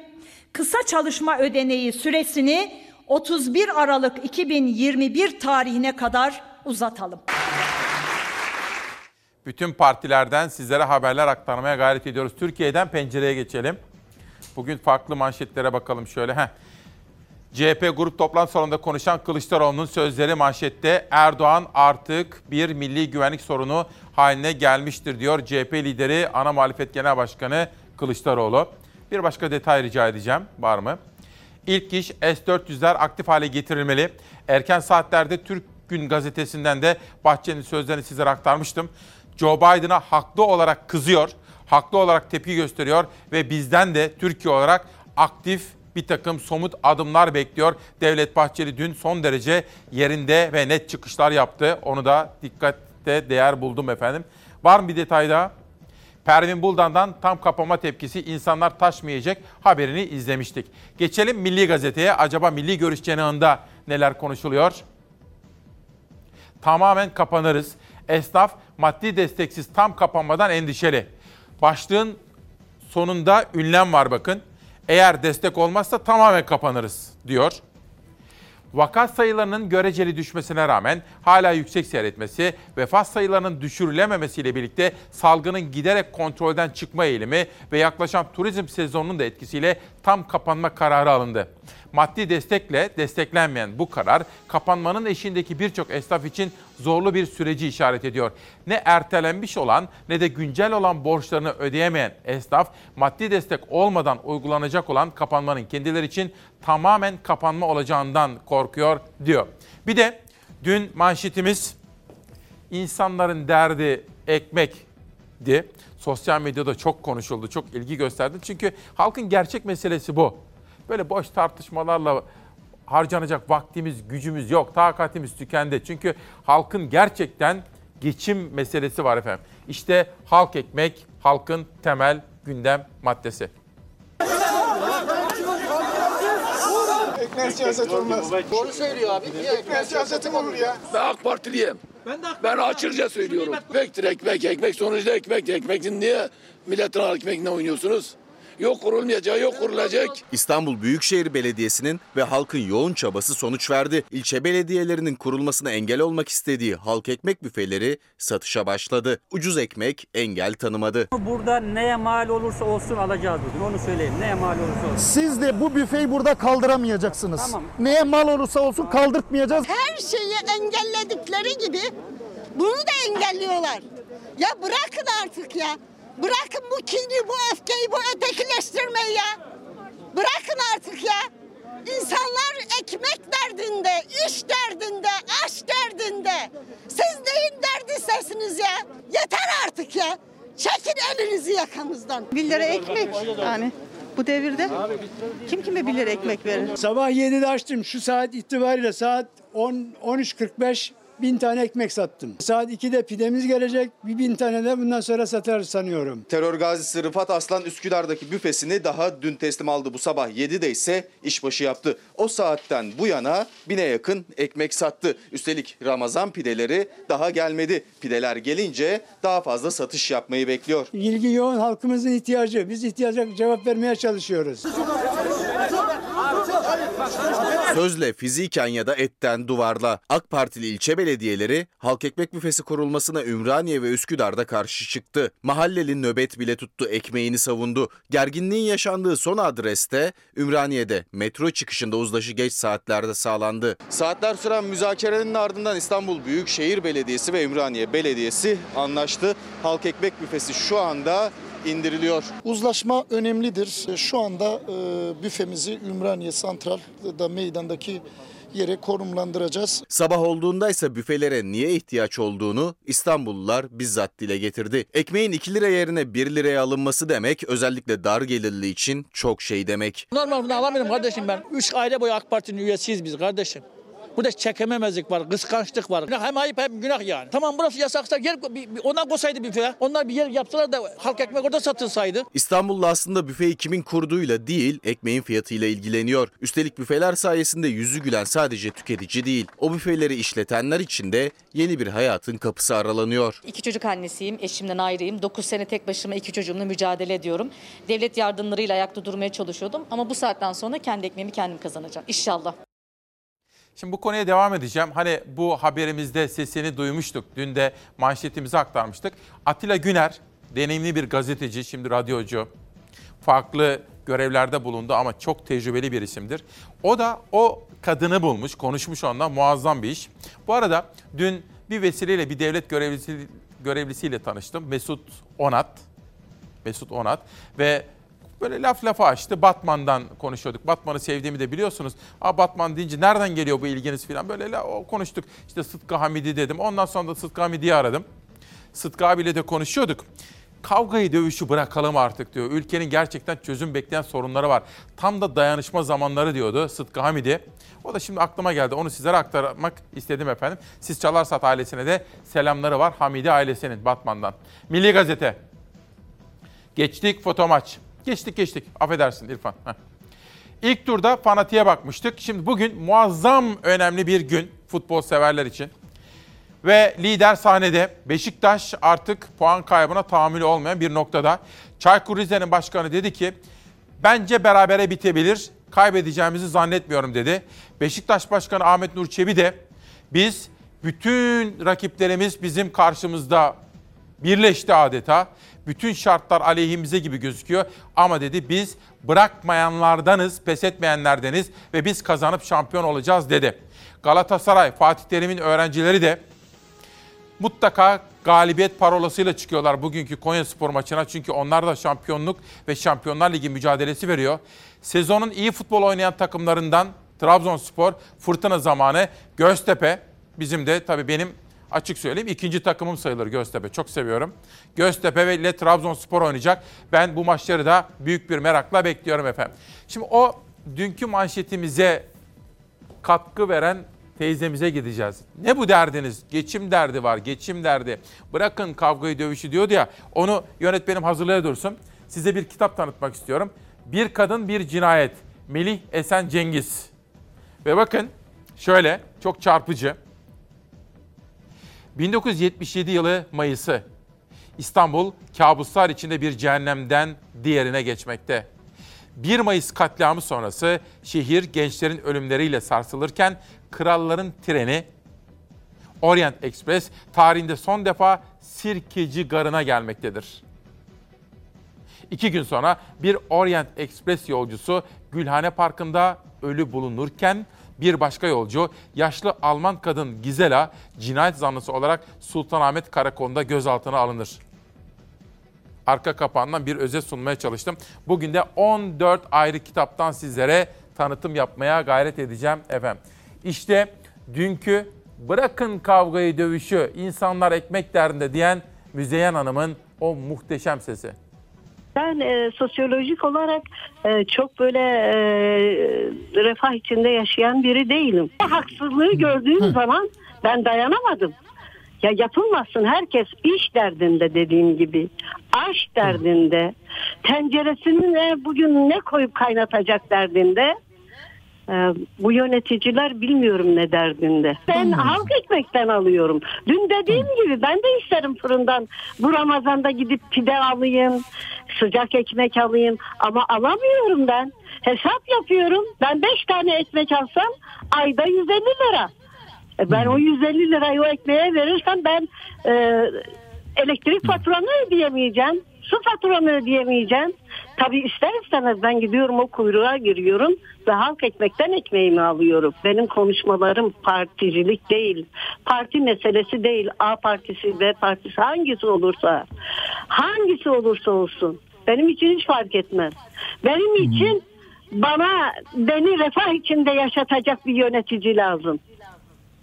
Beni kimseye muhtaç etmeyecek bir yönetici lazım. Bana dokunmayacak. Bakın dün benim yaram deşildi. Kentsel dönüşümden dolayı. Onun için benim haykırışlarım. Bize bizi oradan zorla hani diyorlar ya gönüllü bir dönüşüm. Hayır gönüllü bir dönüşüm olmadı orada. Biz orta kesim insanlarını yaşamayın diyorlar. Siz layık değilsiniz diyorlar bunlara. Burada da önemli bir şey söylüyorsunuz. Bu tartışıyor bilim insanları da bunu. Yani orta direk, orta seviyede Evet. bir yaşam Ha, olanlar da aşağı orta düşüyor. direk kalmamış. O daha 90'lı yıllarındaydı. Şimdi e, fakir ve zengin olmuş artık. Bize layık görmüyorlar buraları. Benim evimin önünde bir konteyner var. Çok affedersiniz çok Evet. konteyneri. Akşam karanlık basınca bazen böyle balkondan bakıyorum. Onu karıştıranlar oluyor. Niçin karıştırıyor bir kadın? Bir kadın neden karıştırır çöp konteynerini poşet elinde? Ara, Acaba biri bir şey atmış mıdır işine yarayan? Acaba bir ekmek yahut da bir sebze kırıntısı yahut da evet Evet, evet. ha, bunları bunları görüp de sessiz kalanlar bilmiyorum yani ne diyeyim. Dikkatinizi çekti Müzeyyen Hanım'ı dinleyince. İşte bizim aradığımız bilinçli yurttaş, bilinçli. Böyle fanatik değil. Soran bir zihin yapısı, sorgulayan, verili gerçekliği olduğu gibi kabul eden değil. Fanatikçe değil, hayır. Kendi gerçekliğini anlamaya çalışan, ülkenin gerçekliğini değiştirmeye çalışan. Çocuklarımızı böyle yetiştirmemiz lazım. Evladım itaat ederek değil, bilinçli yurttaş ol. Sorgula. Allah akıl vermiş, fikir vermiş. Bu meselelerin partiyle ilgisi yok. AK Partili de yaşıyor, HDP'li de yaşıyor aynısını. İşte biz Müzeyyen Hanım gibiler ve öyle çocuklarımız büyüsünler, yetişkin olsunlar. Ayşe Mine Kutay, 75 yaşında. Dün kızıyla tanıştım, Taciser Hanım'la. O da Ayşe Hanım'ın bize bu özelliklerinden bahsetti. Her sabah hem bizimle birlikte namazını kılıyor, ondan sonra kalkıyor. Ülkenin gerçeklerini öğrenmek istiyor bizden. Kendisine teşekkür ediyorum. Ne alakası var dedik. Dün burada efendim çalışkan bir milletvekili vardı. Mustafa adı güzel. Karadeniz'den sizler için gelmişti. Fakat sürem yetmedi. Bir konuda daha konuşabilseydim dedi. Çıkarttım şöyle cep telefonunu. Savaş sen onu hazırlar mısın? Bu arada Savaş Yıldız yönetmen koltuğuna geldi. Şöyle çıkarttım. Şuradaydı. Program bitti. Sizlere Allah'a ısmarladık demiştim. Çektim telefonla. Sonra Ezgi'den rica ettim. Ezgi Gözeger'den. Ezgi dedim. Karadeniz için, Ordu için, ülkemizin doğası için, ülkemizin tarihi, turistik eserleri için bu haberi yapalım dedim. Sağ olsun yaptı. Burası bu haliyle sadece ordunun veya Türkiye'nin bir kültür hazinesi değil, aynı zamanda bir insanlık mirası. 2300 yıllık antik kentin altındaki kayada taş ocağı işletiliyor. Taş ocağının yanından geçmesi planlanan yolsa tarım arazilerindeki üretimin devamlılığını tehdit ediyor. Antik kentin altındaki yamaçta sık sık dinamit patlatılan taş ocağı için yolun güzergahının değiştiği ancak tarım arazilerinin yola feda edildiği iddia ediliyor. Yani adeta bu taş ocağını bypass etmek için bu kıymetli arazi yok ediliyor. Hem ekstra bir tünel hem ekstra bir viyadük yapılmasının gerekçesi şu taş ocağına uğramasın diye buradan bu kıymetli arazi harap edilerek yapılıyor. Ordu'nun Altınordu ilçesindeki taş ocağı bilmecesine yol projesinin bilmecesi eşlik ediyor. 2000'in üzerinde tarihi eserin çıkarıldığı, Kibele ve Dionysos'un paha biçilmez heykellerine ev sahipliği yapan antik kentin altında bir taş ocağı. Taş ocağına komşu verimli tarım arazileri. Taş ocağının faaliyetine dokunmayan ancak tarım arazilerinin feda edildiği bir yol projesi. CHP Ordu Milletvekili Mustafa Adıgüzel'in anlattığına göre taş ocağı insanlık mirası antik kentin altına da uyuyor. Yani şunu hayal edin. Trabzon'da Sümele Manastırı'nın altındaki kayanın oyulduğunu. Başkale Hoşap Kalesi'nin ya da Antalya Alanya Kalesi'nin altındaki kayanın oyulduğunu hayal edin. Bahse konu taş ocağının faaliyetini engellememesi için köprü ve viyadükler inşa edilirken tarımsal ve hayvansal üretim yapılan araziler yola feda edilecek diyor bölgenin vekili. Bu taş ocağı bütün uyarılara rağmen devlet yetkilileri tarafından da gözetiliyor. Bakın oradan bir yol geçecek. Bu yol tam taş ocağına gelmiş. Taş ocağında nehrin karşı kıyısına geçiriliyor. Orada Sağırlı düzü var. Sağırlı köyü var. Sağırlı köyündeki bütün tarım alanlarını tahrip ediyor. İsmail Küçükkaya ile Çalar Saat'in konuğu olan Adı Güzel, yol projesinde taş ocağının adeta korunduğunu söyledi. Bunun için inşa edilen viyadük ve köprülerin ise devlete yük olduğunu. Bir tünel, bir viyadük ve girişte tekrar bir köprü sadece taş ocağını pas etmek için karşıya geçilmiş ve devlete yük oldu. Vatandaş kendi toprağında üretime devam etmeye çalışıyor. Bunu başka türlü yapın. Buraya bir viyadükle Evet, geçin, hayır. buraya dokunmayın diyor. Yok fakat devlet mahkemeye veriyor. Tavuk çiftliğinin sahibi Feridun Savaşkan yıllardır üretim yaptığı araziden yol yapımı nedeniyle çıkarılmak isteniyor.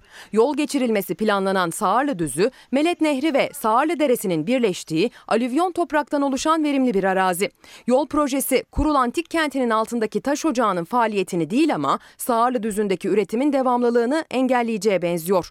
Üstelik yolu yapan firma üretici Savaşkan'ı araziden çıkmadığı için mahkemeye vermiş. Yolu yapan insanlar diyorlar ki Biz sizi seni, seni ben mahkemeye verdim. Buradan çıkıp gitmiyorsun kendi toprağından Evet, diyor. evet. Öyle Biz, biz şimdi tebligat bekliyoruz.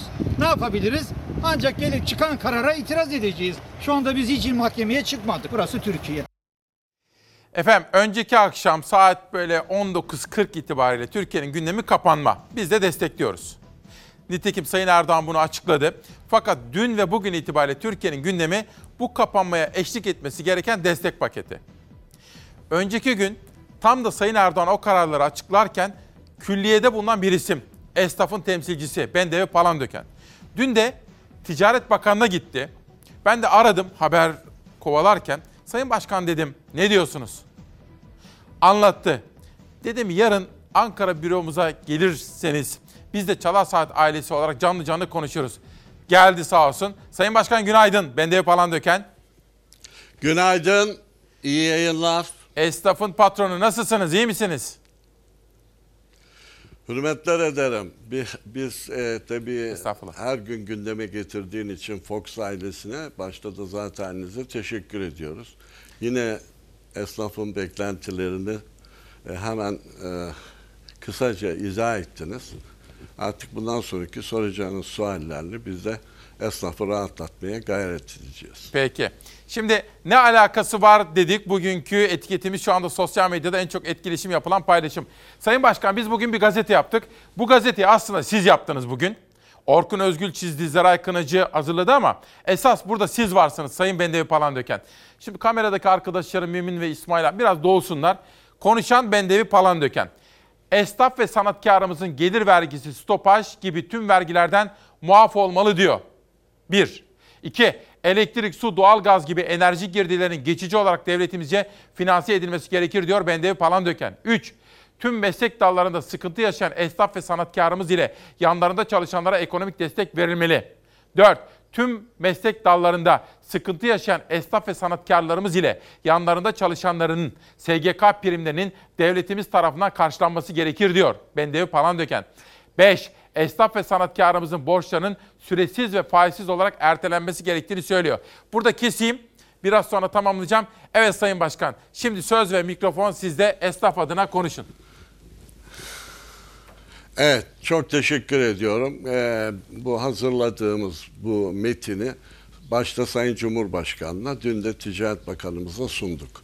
Ee, iftar yemeğiydi. Ahilik kültürüne çok önem verir Sayın Cumhurbaşkanım. 13 tane illerden ahi seçilen arkadaşlarımızla birlikte yuvarlak masada birlikte iftar açtık. O gün tabii gündem çok yoğundu.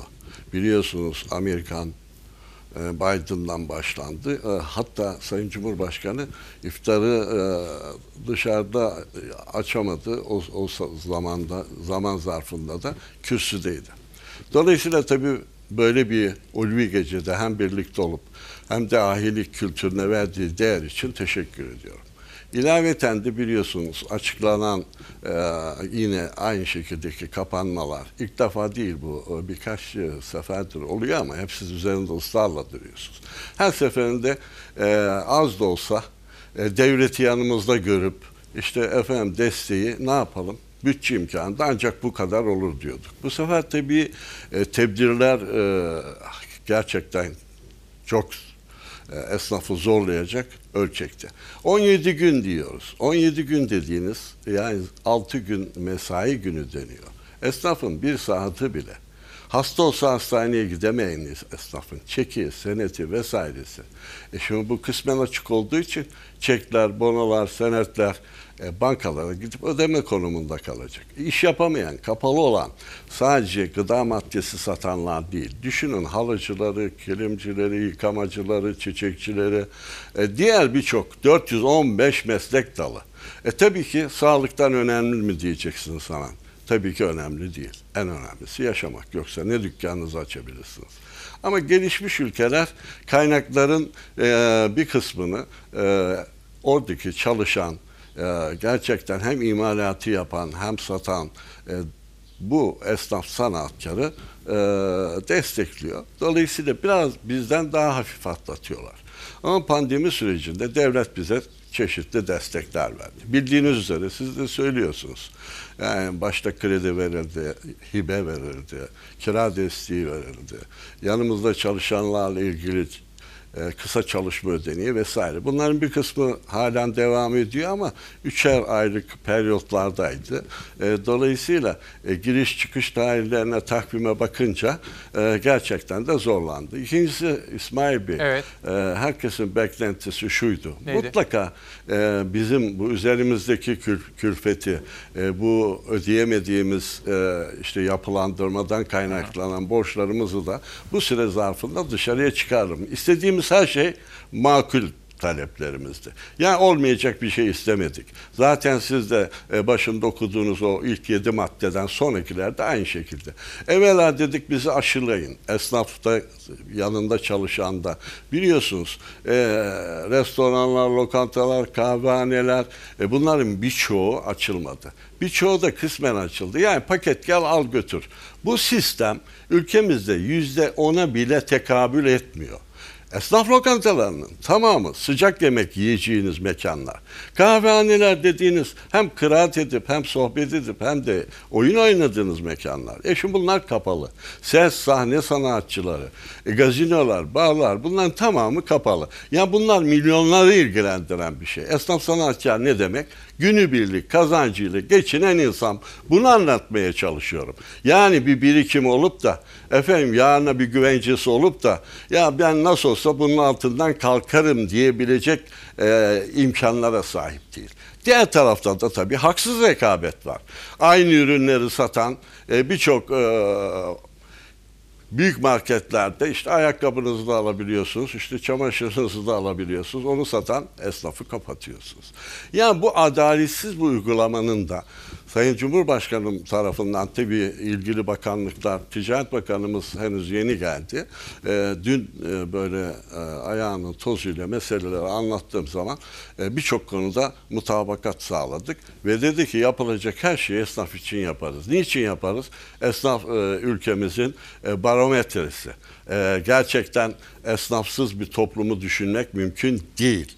E, biz de tabii esnafın tüm sorunlarını anlattık. Tabii bazı kesimlerin sorunlarının çözülmesi zaman alıyor. Ama tabii şimdi değerli izleyiciler çoğunluğu da bildiğiniz üzere vatandaşların e, kanalınızda ilgisi var. Hem siyaseten e, hem de e, diğer. Esnaf meselesi meclise geldiği zaman hiçbir siyasi partiden e, beni tanıyorsunuz. Yıllardır e, esnaf sanatkarlar camiasını sevk idare ediyorum. Hiçbir siyasi parti muhalefet olmuyor esnafın sorunu ne dediğin zaman veya ziyaretlerinin ilk başlangıç noktası olan esnafı ziyaret ediyorlar. Dolayısıyla böyle de bir bağlantı var. Herkesin arzusu var ama bir türlü sorunları e, evet. azaltamıyoruz. Hem günün şartları. Sayın Başkan. E, dolayısıyla e, evet buyurun. Çok özür sözünüzü kestim. Hem Sayın Cumhurbaşkanı'yla hem de dün yeni gelmiş Ticaret Bakanı'yla da konuştunuz. Şimdi bugün gazetelere baktığım zaman soldan Evet. sağa bakın şunları görüyoruz Sayın Başkan. Karar, desteksiz kapanma. Şimdi biz bu kapanma kararını hepimiz destekledik. Çünkü pandeminin bulaş hızını düşürmemiz gerekiyor. Sağlık Bakanımız da bize hep bunu söyledi. Fakat desteksiz kapanma diyor Karar Gazetesi. Yeni çağa geçiyorum. Desteksiz kapanma zulümdür manşeti var. Sözcüye bakıyorum. Millet ne yiyecek diyor. Böyle gazetelerde bu haberler çok çıkıyor. Şöyle aslında bu kapanmayı destekliyoruz ya. Mesela kapanan esnafa, vatandaşa böyle başka büyük ülkelerin yaptığı gibi mesela Amerika'da yaptılar. Biner dolar kişi başına evlere çekler gönderildi. Hatta birkaç kere Almanya, Fransa pek çok devlet bunu yaptı. Siz bunu Sayın Cumhurbaşkanımıza, Ticaret Bakanımıza söylemiyor musunuz? Ya şöyle borç falan değil. Böyle birer kere büyük devletimiz gösterse... Hibe. Heh. Buyurun. Evet, e, sizin söylediğiniz her şeyi Sayın Cumhurbaşkanı'na rahatlıkla söylüyorum. Zaten kendileri de e, beni dinlemek için e, zaman ayırıyor. E, uzun zaman birlikte konuşabiliyoruz. Rahat rahat ulaşabiliyorum. Mesele ülkenin ekonomik yapısı ile ilgili. İşte orada biz duraklıyoruz. Diyoruz ki e, bütün e,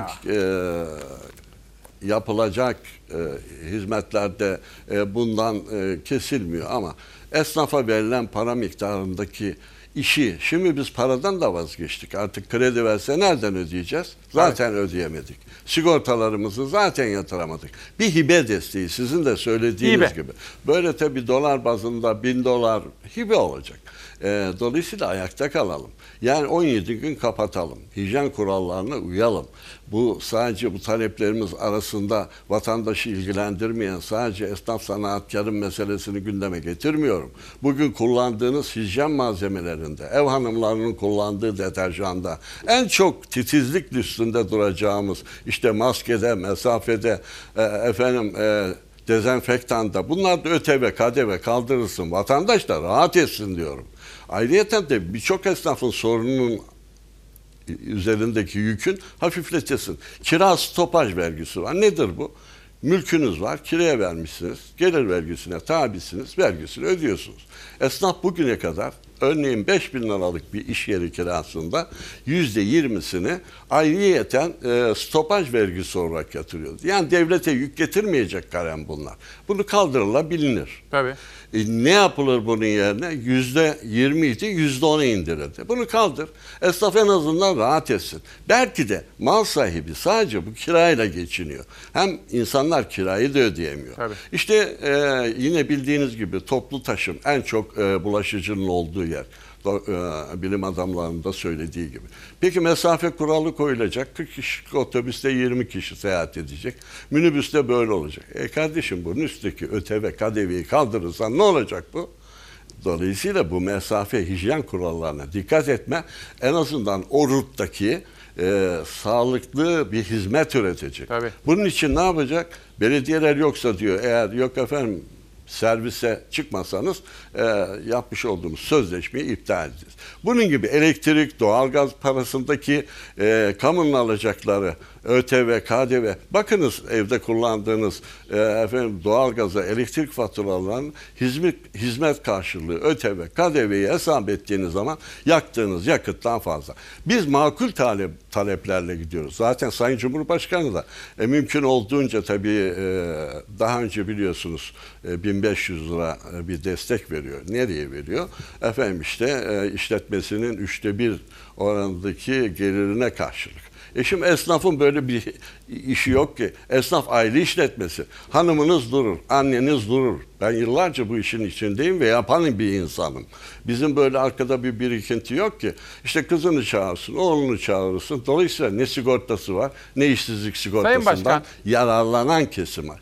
Buyur. Sayın Başkan, şimdi hani biraz evvel ifade ettiniz ya bizim sizinle de tanışıklığımız çok eski. Ben 1991 Hürriyet Ankara Ekin'de muhabirdim. Siz o zaman Bakkallar Odası Başkanıydınız. Gelir giderdim. Tanırım sizi. Evet. Kırıp dökmeden konuşursunuz. Önemserim. Bunu saygı da duyarım. Aynı zamanda titizsinizdir. Böyle satır arası okumaları falan da yaparsınız. Şunu soracağım. İki soru peş peşe. Bir, size ulaşabilen esnaf, esnaf kardeşim ne diyor mesela?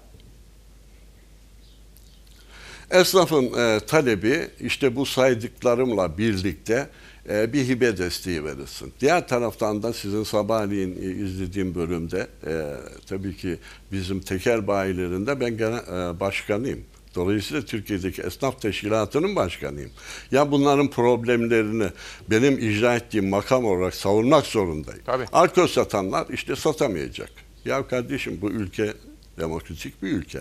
Yani Ramazan ayı, mübarek ay bunları telaffuz etmek bile istemiyorum. Aynı zamanda bu işi yapan insanlar ekmek parası bunları aldılar. Raflarına koydular. Hazırlığını yaptılar. Dolayısıyla bunların borçlarını ödeyecekler. E şimdi siz bunu satamazsınız. E tamam satmayalım. Satmayalım da e peki bu elimizdeki ürünleri ne yapalım?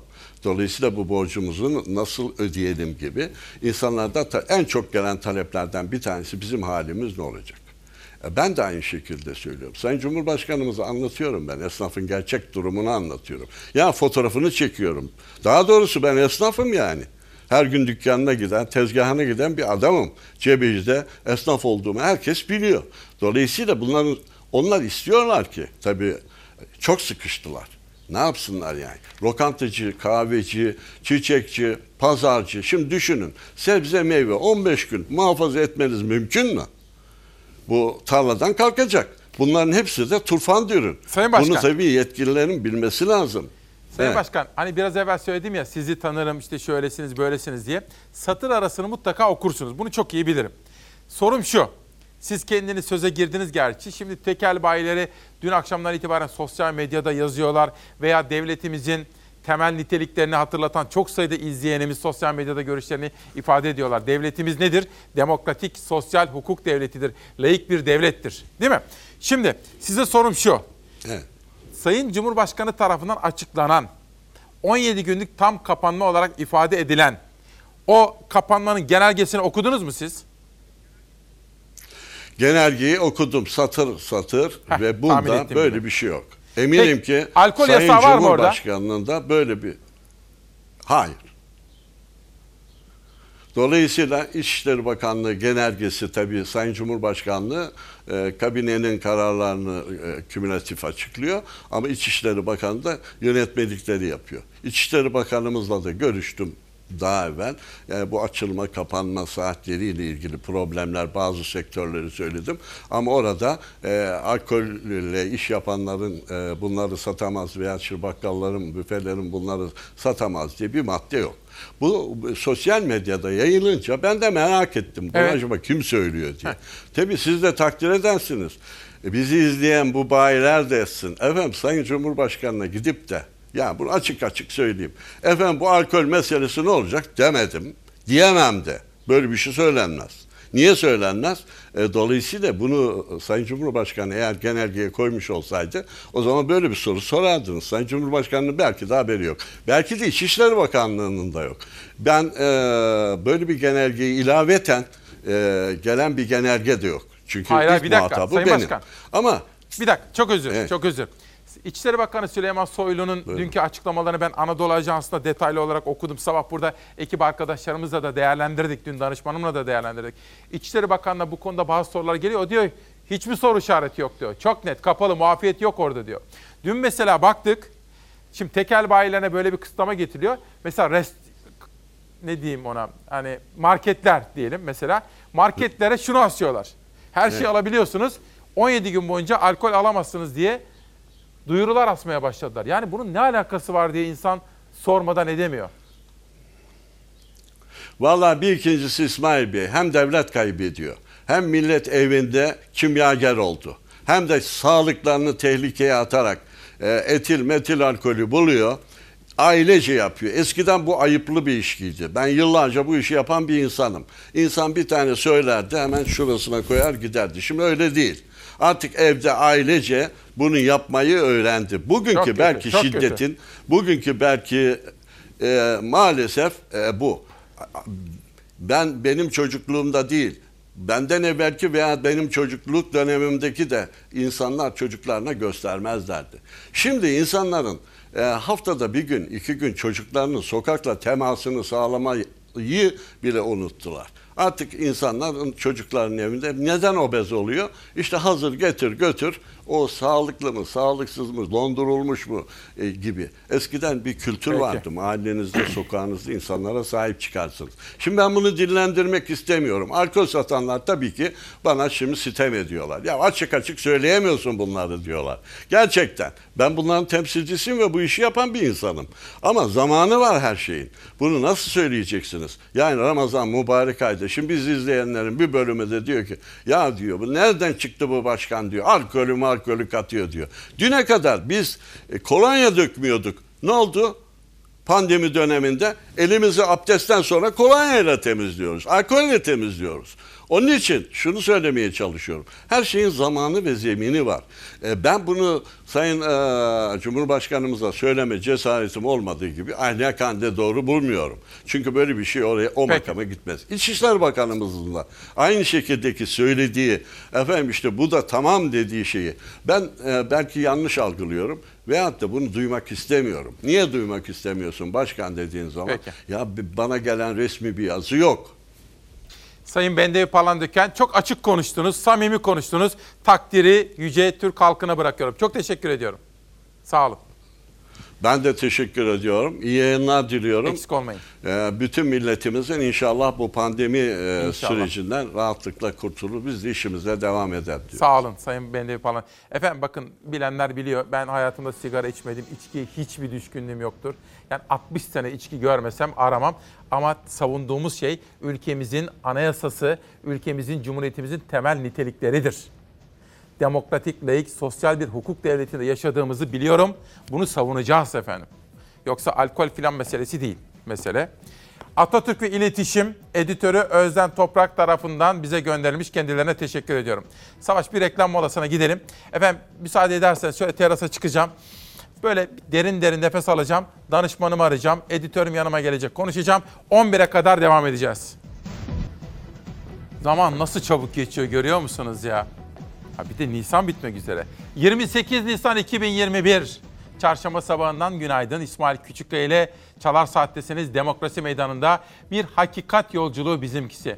Ve ne alakası var diyoruz bugünkü manşet. Şu anda sosyal medyada en fazla etkileşim yapılan konuların başında geliyor. Yönetmenim Savaş Yıldız'dan rica ediyorum. Piyasalara bakarak başlıyoruz. Ankara-Washington hattında ipler bir kez daha gerildi. Dolar son bir ayın zirvesine çıktı. 8 lira 48 kuruşu gördü. Ardından yaşanan satışlarla geriledi. 8 lira 30 kuruşun altına geldi. Amerika Birleşik Devletleri Başkanı Biden'ın 1915 olayları için skandal bir şekilde soykırım ifadesini kullanması zaten gergin olan Türkiye-Amerika Birleşik Devletleri ilişkilerini daha da gerdi. İlişkilerdeki gerilim nedeniyle piyasalarda endişe yaşandı. Pazar gecesi dolar yükselişe geçti. Doların yükselmesiyle birlikte satışlar da yaşandı. Bu nedenle gerileme de başladı. Dolar 8 lira 30 kuruşun altında işlem gördü dün. Euro da dolar gibi önce yükseldi ardından geri adım attı. 10 liranın altına geldi. Çarşamba günü saat 9 itibariyle bankalar arası piyasada dolar 8 lira 24 kuruştan, euro ise 9 lira 95 kuruştan işlem görüyor. Kapalı çarşıda gram altın 468 liraya, çeyrek altınsa 765 liraya alıcı buluyor. Piyasalarda gözler bu hafta Merkez Bankası'nın enflasyon raporu ve Fed'in açıklayacağı faiz kararında olacak. Piyasalar böyle. Bir de çalışma hayatına ilişkin özel ve önemli bir haberimiz var. Diyelim çalıştığınız yerde fazla mesai yapıyorsunuz. Mesela diyelim 23 Nisan'da çalıştınız. Fakat işveren insafsız ve fazla mesainizi vermiyor. Yargıtay bu konuda son derece önemli emsal mahiyetinde bir karar verdi. Yargıtay işçinin haklı fesih nedenlerine dair çok önemli bir karar verdi. Görülen bir iş davasında verilen kararla fazla mesai ücreti ödenmeyen işçinin iş akdini feshetmesi haklı sebep gösterildi. İşçinin kıdem tazminatı almasına karar verildi. İstanbul'da bir çalışan yıllık izinlerinin kullandırılmamasını gerekçe gösterdi. Hakkını alamayan kişi işten ayrılmak istedi. Kendi isteğiyle işten ayrıldığı söylenen kişiye işveren tarafından kıdem tazminatı ödenmedi. İşçi işverene dava açtı.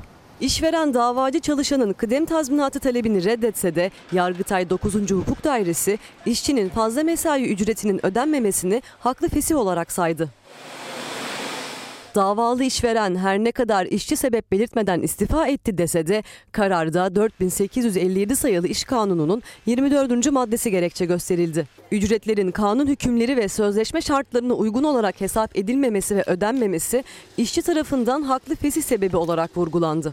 Yıllık izinleri kullandırılmayan bu bağlamda fazla mesai ücretini alamayan işçinin iş sözleşmesini feshetmesi haklı bulundu. İşçi kıdem tazminatını almaya hak kazandı. Bir soru soracağım. Birkaç gündür Türkiye'ye Çin'den aşı getiren yetkililerle de konuşuyorum. Çin'den Türkiye'ye aşı gönderilmesinde yani aşı tedarikinde ciddi sorunlar yaşıyoruz. Ama siz aşı olabildiniz mi? Aşı sırası geldi mi? Ben de aşı sıram geldiğinde aşımı olacağım. Sağlık Bakanı'nın söylediği gibi yeter ki yeter ki aşı olsun. Sinovac firması taahhüt ettiği takvime ne yazık ki uymuyor. Nisan ayı içerisinde 100 milyon aşının gelmesi gerekiyordu. Yollayamadılar. Ya siz ağlayacak makam değilsiniz ki. Siz çözüm üretecek makamsınız. Çin bu aşıları size göndermedi. Siz ne yaptınız? Başka bir yerden bir aşı mı temin ettiniz? Veya Çin'e karşı bu anlaşmaya karşılık bir yaptırım mı uyguladınız? Hayır. Biontech aşısı aylarca kapıda bekletildi teminat vermiyor diye. Peki siz Çin aşısından niye teminat almadınız? Biz şu anda aşısız kalıyorsak bunun sorumluluğu kimin üzerinde? Mayıs, Haziran hatta sonbahar derken aşılamada sürekli değişen takvimdeyken gözler aşı tedariğinde büyük sıkıntı olduğunu Sağlık Bakanı açıkladı. Oysa Fahrettin Koca sadece bir ay önce 24 Mart'ta Çin'le imzalanan anlaşma gereği 100 milyon dozluk aşının müjdesini vermişti. Mayıs sonuna kadarsa toplam 100 milyon dozun Türkiye'ye ulaşmasını bekliyoruz. Anlaşma bu şekilde yapılmıştır. Bunlar her birinize güven telkin edecek sayılardır. Bakan o gün güven verdi ama bugün Sinovac şirketi aşı sözünü tutmuyor dedi. Muhalefet de şirketle yapıldığı söylenen anlaşmayı hatırlattı. Anlaşma varsa yaptırım da olmuş olması gerekir.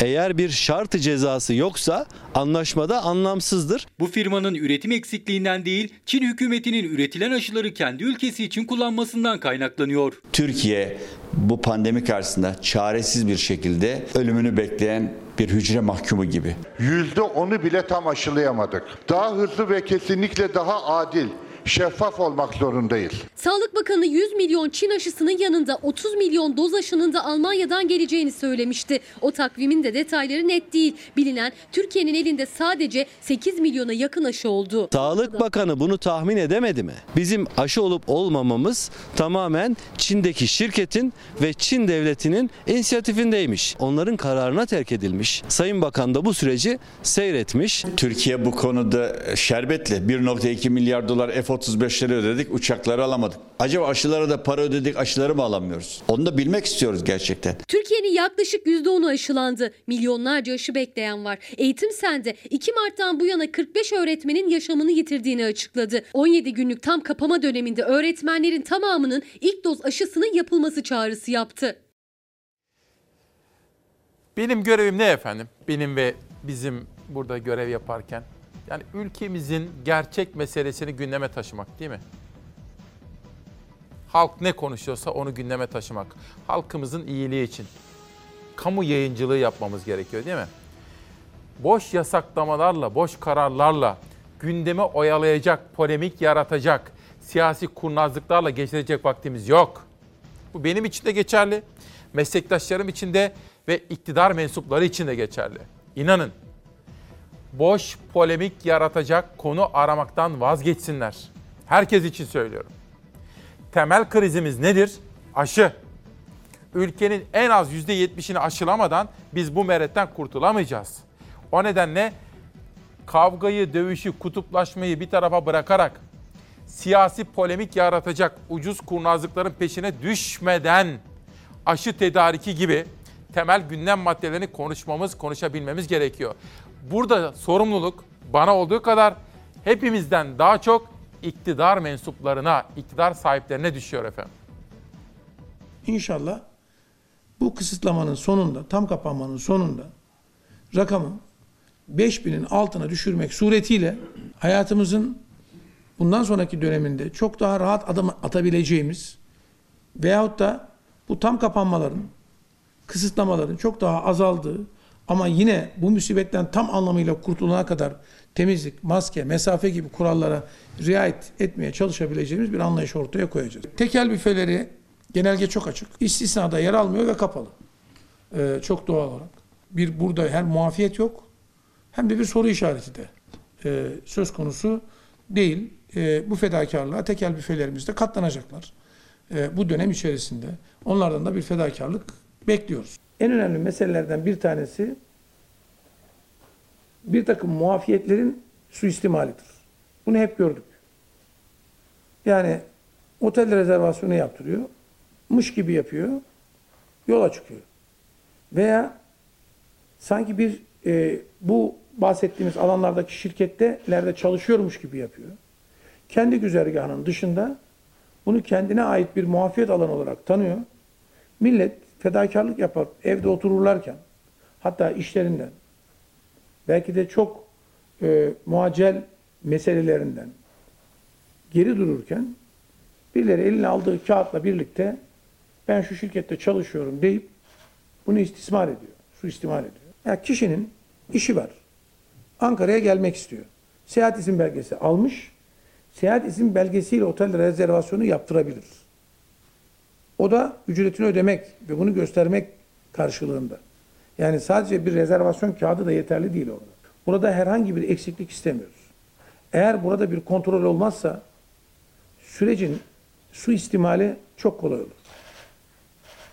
Şehirler içerisinde bazı noktalarda yine aynı ekiplerin kontrolü bizim açımızdan önemlidir.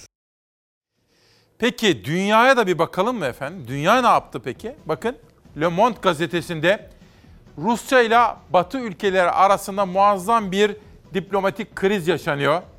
2017'den bu yana istenmeyen kişi ilan edilen Rus diplomat sayısı Batı ülkelerinde Soğuk Savaş dönemini aştı. Şimdi de fotoğrafa lütfen dikkat ediniz. Fotoğraf Almanya'dan ve Almanya'da herkes için en geç Haziran ayına kadar aşılama sözü verildi. Yani bütün Alman vatandaşları Haziran ayı içerisinde aşılanmış olacak Alman hükümetinin yaptığı açıklamaya göre. Financial Times'a geçtiğim zaman dünyanın da konuştuğu bir nüfus artış meselesi var. Fakat Çin bakın 60 yıl sonra ilk kez Çin'de nüfus 60 yıl sonra ilk kez düşüşe geçti. Bu dünya ekonomisi ve Çin ekonomisi için de çok ciddi sonuçlar üretebilir. Financial Times'tan işte bu haberi okumaktayız efendim. Dünya korona ile ilgili haberleri de huzurunuza getiriyoruz. İtalya'da sinema, tiyatro, konser salonlarının bile kısmi açılması sonrası aşılamada büyük bir adım atıldı. Sağlıkçılar hala aşıya ulaşamamış olan yaşlı, engelli ya da kronik rahatsızlığı olan kişilere evde aşı uygulamaya başladı. Hindistan'da kabus giderek daha da büyüyor. Virüs kaynaklı can kaybı 3200'ü geçti. Ülkeler Hindistan'a yardım için seferber oldu. Dünyada virüsle temas 150 milyona dayandı. Hindistan dünyada kaydedilen günlük vakaların katlanmasında en büyük rolü olan ülke konumunda. Bir günde 362 bin vaka tespit edildi. Can kaybı 3200'ü aştı. Bugüne kadar salgında hayatını kaybedenlerin sayısı Hindistan'da 200 bini geçti. Hindistan'a Türkiye'nin ardından yardım etmek üzere birçok ülke kolları sıvadı. Ülkeye 100 solunum cihazı gönderen İngiltere'den sonra İspanya 7 bin ton tıbbi malzeme yardımı müjdesi verdi. Avrupa Birliği Komisyonu da birçok ülkeden toplanan solunum cihazlarının Hindistan'a gönderilmek üzere hazırlandığını açıkladı. Çin de Hindistan'a solunum cihazı ulaştırmaya başladı. Virüsün bir diğer merkez üssü Brezilya. Brezilya'da çok uzun zamandır durum kötü. 24 saate görülen vakalar Hindistan'dan çok daha düşük 70 bin seviyelerinde olsa da can kaybı 3 binden fazla. Brezilya'da salgının başından bu yana 400 bine yakın insan öldü. Tehlike en çok da yoksul mahallelerde baş gösteriyor. İtalya normalleşmeye dair salgının başından bu yana en büyük kararı verdi. Sadece belli başlı ticari işletmeler değil, sosyal tesisler, sinema, tiyatro salonları hatta konser salonları bile kısmi olarak açıldı. Bilim insanları salgının tekrar hızla yayılmasından endişeliyken hükümet aşılamada yeni bir karar aldı. İtalya'da yaşlı, engelli ya da kronik rahatsızlığı olan kişilere evde aşı hizmeti başladı. Sağlıkçılar kapı kapı gezerek aşı uyguluyor. Bu arada sizlere hastalığına ilişkin haberleri vermiştim. Dün Hıncalı Uluş'la da konuştum. Sizlere selamları var. Gayet iyiyim çünkü dedi aşılanma prosedürüm tamamlanmıştı dedi. İyi ki de aşı oldum dedi. Korona yakalanmasına rağmen evde sapasağlam duruyorum dedi. Bunun dışında Osman Çarmıklı da hastanede koronadan tedavisi devam ediyor. Ona da geçmiş olsun diyelim. Sabah Volkan Bey kardeşim mesaj atmıştı. Dedi ki kızımın eşi 4 gün önce Covid oldu demişti Ferit Başpınar için. Bütün hastanelere baktık. Devlet hastanelerinde yer yoktu dedi. Şimdi bana bir fatura göndermiş. Bakın hastane adını vermeyeceğim gayet tabii ki. Hastamızı özel bir hastaneye yatırdık. 5 günlük için yatış parası aldılar 10 bin lira. Parası olmayan ölsün mü diye soruyor efendim bakın. Volkan Sevi. Hastaneden peşin peşin parayı da almışlar. Türkiye'nin manzarası. Çağdaş Gazetesi Batman. Kuraklık kabusu. Ben Sıtkı Hamidi'ye selam söyledim mi Savaş bu sabah? Söyledim değil mi? Tamam. Tamam. Kuraklık kabusu. Batman deyince Sıtkı Hamidi aklıma geliyor da kolay değil 30 yıllık arkadaşım. Geçen yılın sonlarında gündemde olan ancak Şubat ve Mart ayları ile birlikte artan yağışlar sonucu gündemden düşen kuraklık Batman'ın da aralarında bulunduğu Güneydoğu Anadolu bölgesindeki üreticilerin kabusu olmaya devam ediyor diyor. Batman'dan İzmir'e geçelim. Ege'deyiz. Gündelik çalışan açlığa mahkum. Çağla Geniş'in haberi. Tam kapanma kararına rağmen herhangi bir ekonomik desteğin açıklanmaması tepkilere yol açtı. Ayakkabı boyacısı Güngör, cebimde 50 lira var, 17 gün nasıl yaşarım diyerek karara isyan etti. Şimdi ben bunları okuyorum efendim.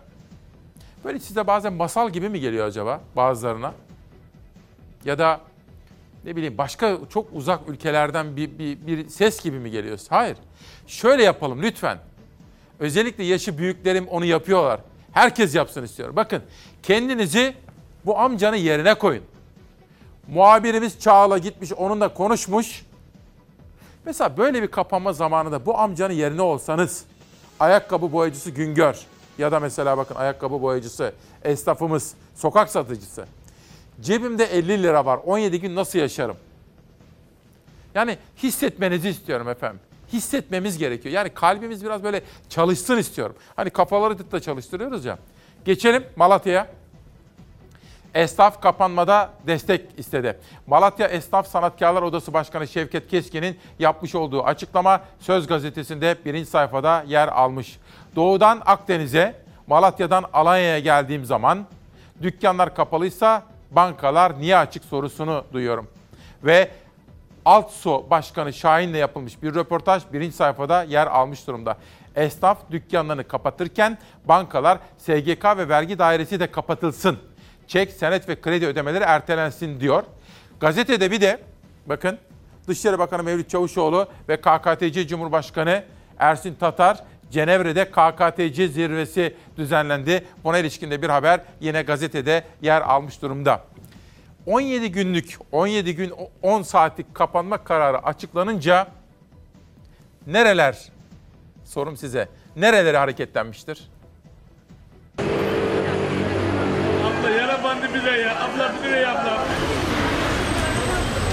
Ben de dahil olarak bak kalabalık. Geziyoruz, işimiz gücümüz yok. Tam kapanma kararı çıktı, işi olan da olmayan da kendini sokağa attı. Şehir içi trafik yoğunluğuyla birlikte şehirler arası hareketlilik de katlandı. Otobüs ve uçak biletlerine rağbet normal günleri kıyasla 3-4 kat artış gösterdi.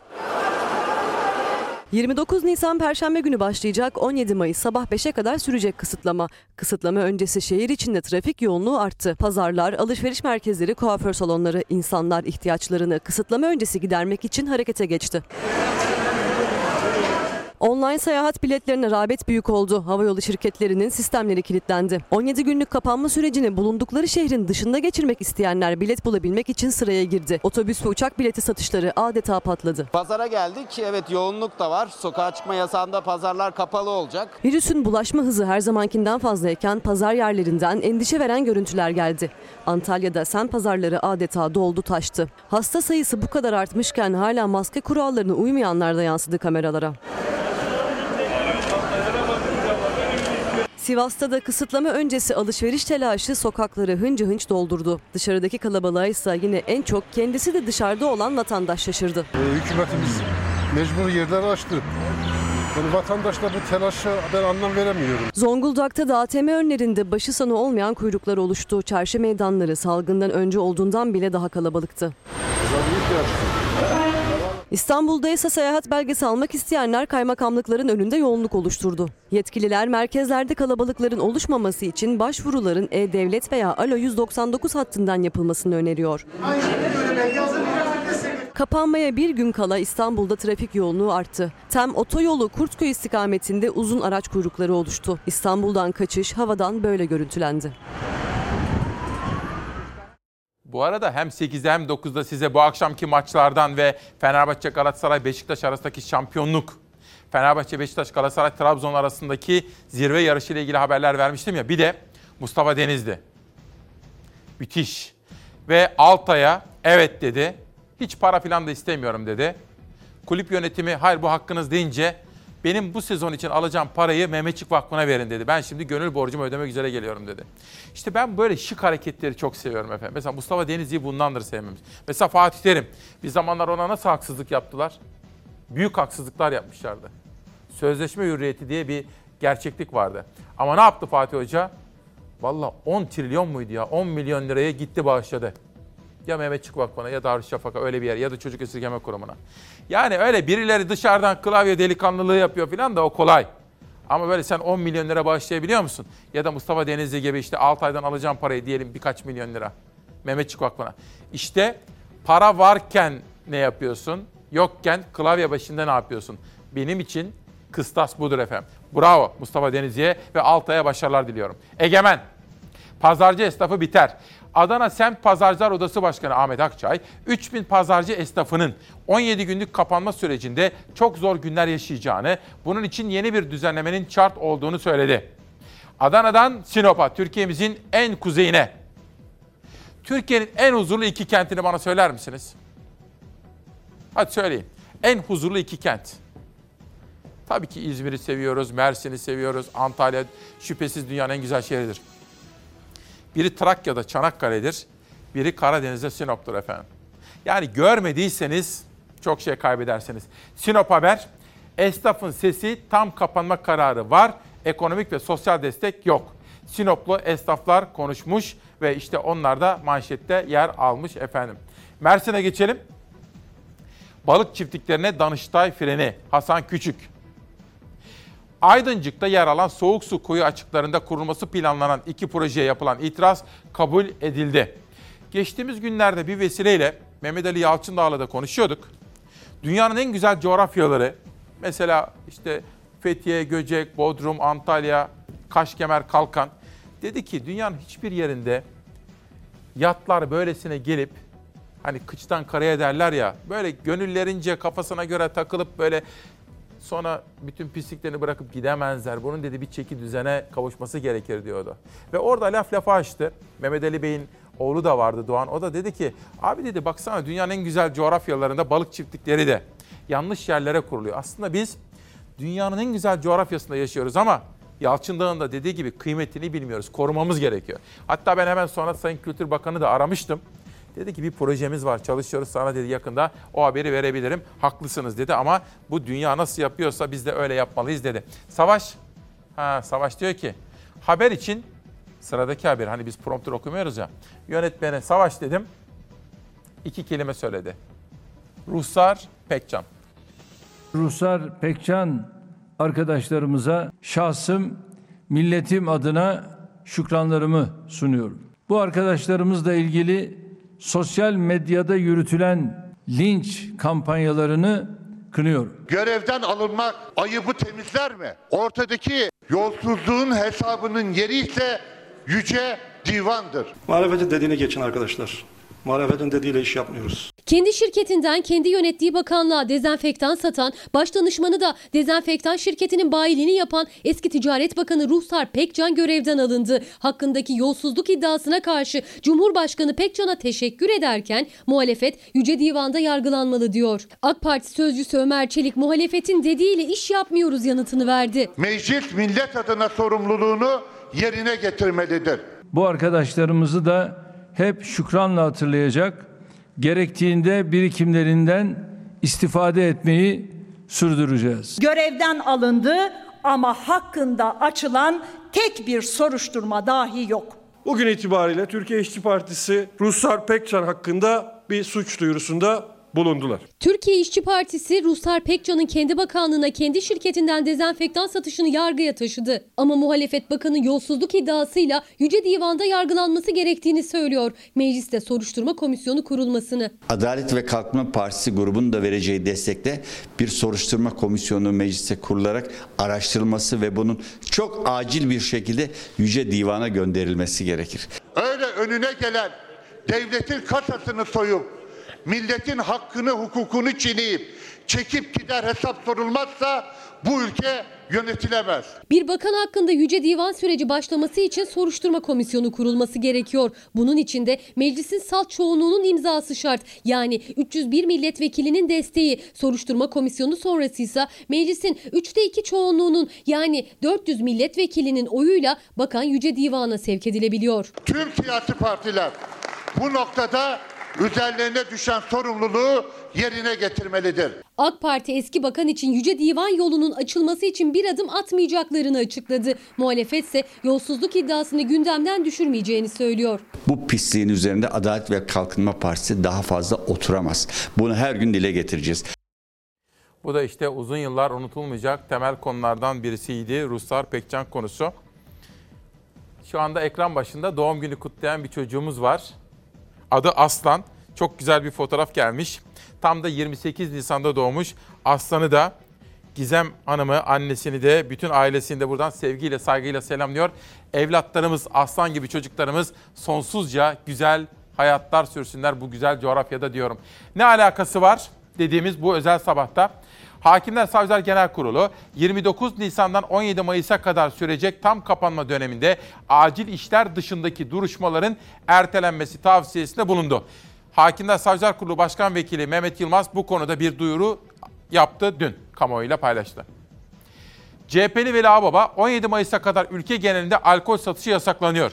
Tamamen ideolojik. AKP'nin insanların yaşam tarzına müdahalesinin son halkası derken NTV Cumhurbaşkanlığı muhabiri de 30 Nisan 17 Mayıs tarihleri arasında alkol satışı tüm günlerde yasak dedi. Kamuoyuna duyuran da bu arkadaşımız oldu ama arkadaşın adını hatırlamıyorum. Kusuruma bakmasın öğrenip sizlere söylerim.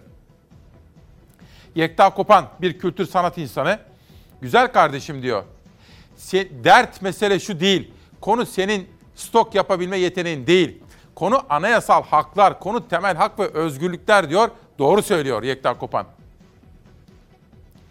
Özer Sencar nihayet demiş kime? TÜSİAD Başkanı Kaslovski'ye işsizlik ve hayat pahalılığı geleceğimizi tehdit eder durumda deyince çok nadir konuşmaya başlayınca TÜSİAD bu tespiti yaptığı için de Özer Sencar araştırmacı nihayet demiş ve TÜSİAD'a görevlerini hatırlatmış.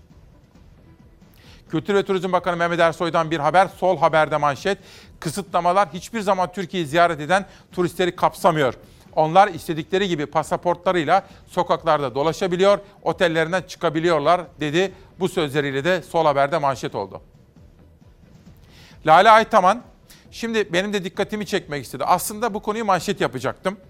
Siteler fakat danışmanım çok katılmadı bana. Sabah geldim, editörümle de konuşurken onlar da çok katılmadılar. Dolayısıyla bu sitelerde yani şuydu. Yani insanlar evin önüne çıksınlar kimselere temas etmeden çünkü 17 gün evde kapanamayız. Evin önüne çıksın bahçe varsa ya da kapının önüne çıkabilsinler. Dolayısıyla ben buradan Sağlık Bakanlığı'na bilim kuruluna bunu ifade etmek istiyorum. Sitelerde, evlerde, evlerin önünde kavgalar çıkabilir efendim. Dolayısıyla bu konuyu netleştirmekte fayda var. Lale Aytaman gururumuz bir kadındır, bir cumhuriyet kadınıdır biliyorsunuz. İyi günler. Site içinde dahi dışarıya çıkamazsak biz 65 yaş üstü pek çok kimsenin dolaşım bozuklukları nasıl giderilecek? Bütün sorun bizdeymiş sanki. Ruhen ve bedenen çöküntü halindeyiz İsmail Bey. Bu karar iptal edilmeli diyor. Ben de bizi izlediğini bildiğim Sağlık Bakanımıza ve Bilim Kurulumuza bu konuda aracılık yapmış olayım. IMF raporu Türkiye pandemide halkına en az destek veren ülkeler arasında. Yani maddi destek, hibe destek manasında IMF bu gerçeğin altını çizmiş. Mustafa Denizli Altay ile anlaştı ve Altay'dan alacağı parayı Mehmetçik Vakfı'na bağışladı. Az evvel sizlere Mustafa Denizli ve Fatih Terim'den bahsetmiştim. Fatih Terim de Çocuk Esirgeme Kurumu'na bağışlamıştı. Helal olsun dedim her ikisine de. Atatürk ve İletişim. Burak Karabulut'tan fikirler ve yeni yaklaşımlar. Bir de önemli bir isim. Bakın Necat Esten. Uzun yıllar orduda görev yapmış, kurmay zekası yüksek, entelektüel birikimi derin olan bir isimdir. Geleceğin liderleri için büyük strateji esasları Necat Esten'den gelmiş imzalı olarak kendisine teşekkür ediyoruz. Bir de günlerce onun için dua ettik. Günlerce iyileşmesini diledik. Çünkü o iyileşecekti ve evladı için, başka anneler babalar için adalet arayışını sürdürecekti. Binlerce şükür olsun ki Mısra Öz yoğun bakımdan çıktı. Bak benim kızım nasıl kendine gelmiş, eller sallıyor, gülücükler atıyor. Hayat çok kısa, onu fark ettim. Yaşadığın an, o saniye ya bir öncesinde varsın ya da yoksun. Kaza geçirdim zannettim. Neden buradayım dedim. Dedi 7 gündür entübesiniz, Covid tedavisi görüyorsunuz.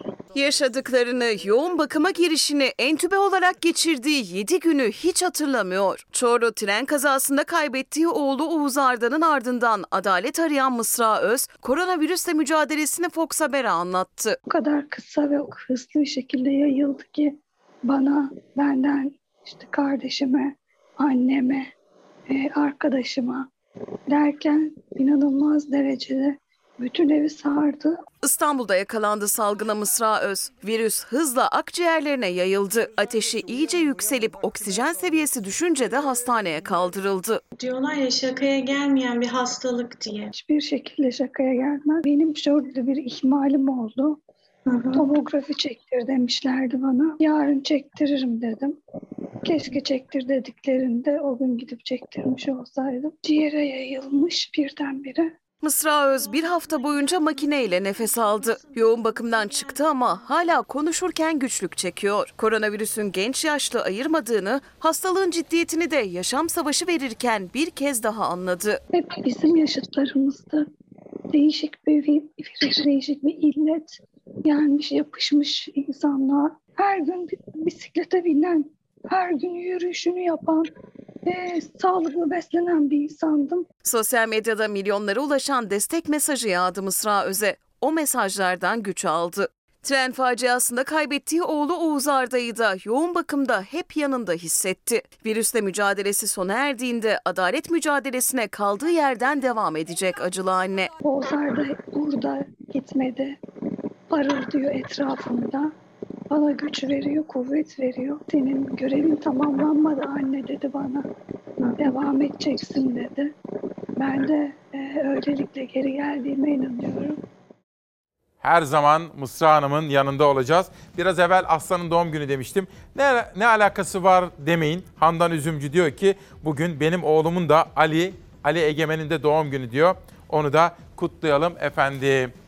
Meclisten bir tartışma var. Onu da sizlere aktaracağım ama önce işte bakın bu da çok önemli bir gelişme.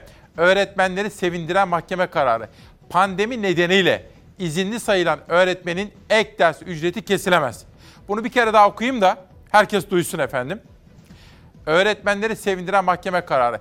Pandemi nedeniyle izinli sayılan öğretmenin ek ders ücreti kesilemez diyelim. Sağır sultanlar bile Mısır'dan bunu duysunlar efendim. Sizi parlamentodaki bir tartışmaya götüreceğim farklı partilerden farklı isimlerin katıldıkları bir polemik. Ama önce bu kitabı da tanıtalım. Doktor Uğur Cilasun sonsuza kadar demiş. Dostlar beni hatırlasın. İçinde bir de not yazmışlar sağ olsunlar. Uğur Cilasun 1946 yılı Antakya doğumlu. Balyoz'da 2 yıl hapis yatmış efendim. Ve 28 Temmuz'da hayata gözlerini yummuş. Ve biz de bu kitabı gönderdikleri için kendilerine teşekkür ediyoruz parlamentodaki polemikle devam edelim.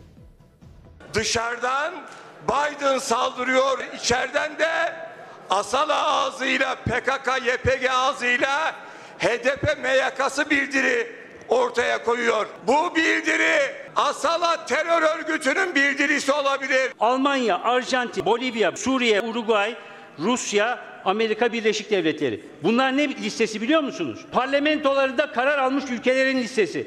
Ya hani bunlarla ilişkileriniz çok iyi.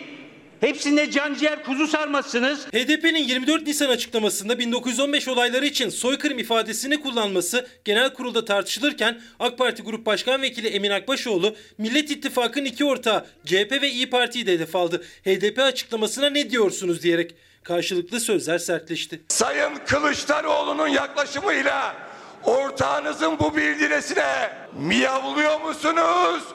Yoksa kükrüyor musunuz aslan gibi? Amerika Birleşik Devletleri'ne ve onun başkanına kükrüyoruz. HDP ne ki? Sayın Akbaşoğlu biz kedi soyundan gelmiyoruz. Aslan gibi kükremeyiz.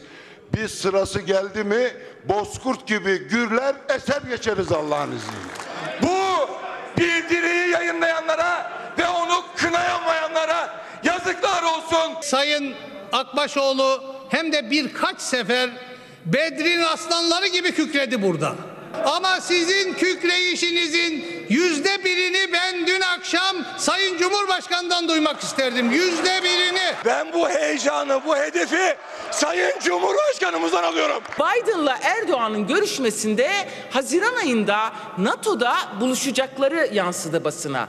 O buluşmayı iptal ediyor musunuz, etmiyor musunuz? Sayın Cumhurbaşkanımız NATO toplantısına gidecek. Bu tartışmadan sadece birkaç dakika sonra AK Parti, CHP, MHP ve İyi Parti sözde soykırım suçlamasına karşı aynı noktada buluştu. Amerika Başkanı Biden'ın sözde soykırım ifadesini kınayan başkanlık tezkeresi dört partinin oylarıyla kabul edildi. Erdoğan çok sakin kalmayı tercih etti. Yangına körükte gitmedi. Ama Amerika'nın ne yapmaya çalıştığı da ortada. Fakat Erdoğan çok sakin durma gayreti içinde yer aldı. Bu arada Özgür Güner, Özgür Ömer Güner ve onun kıymetli eşi Allah, Allah Güner'in bugün doğum günü. Özgür de bugün 50 yaşına giriyormuş. Hayatının dönüm noktalarından biri. Ben de onlara çocuklarıyla, sevdikleriyle, büyükleriyle sağlıklı, mutlu, huzurlu bir ömür diliyorum efendim. Turan Akıncı Galata, İstanbul'un 700 yıllık kara kutusu. Göçmen Kızı Nuray Çalışkan'dan geldi. Bu kitapta bize içinde de bir not var efendim. Şimdi Oscar törenlerini 3 gündür sizlere haber olarak sunuyoruz. Orada 55 yaşlarında bir aktör dünya çapında ve en iyi yabancı film ödülü. Ha bu arada yarına da bir tane Oscar haberi var.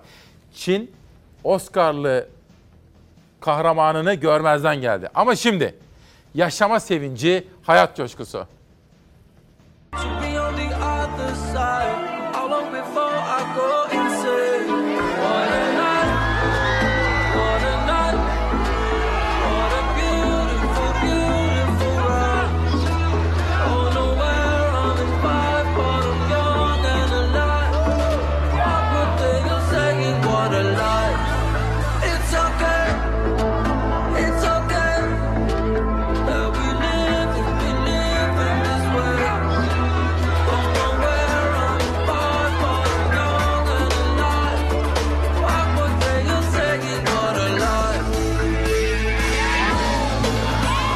...93. Akademi Ödülleri'nin yabancı dilde en iyi filmi Another Round... ...5 zorlu aday arasında öne çıktı, Oscar kazandı. Filmin başrol oyuncusu 55 yaşındaki Matt Mikkelsen'ın dans sahnesi izleyenleri hayran bıraktı.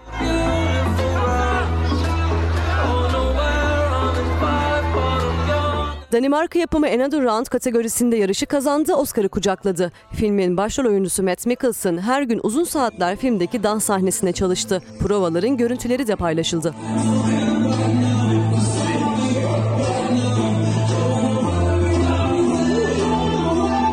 Uzun saatler emek harcanan çalışmaların sonucu müthiş bir dans sahnesi olarak geri döndü. Dünya ünlü Danimarkalı oyuncu Mads Mikkelsen'ın performansı filmin en çok konuşulan detayı oldu.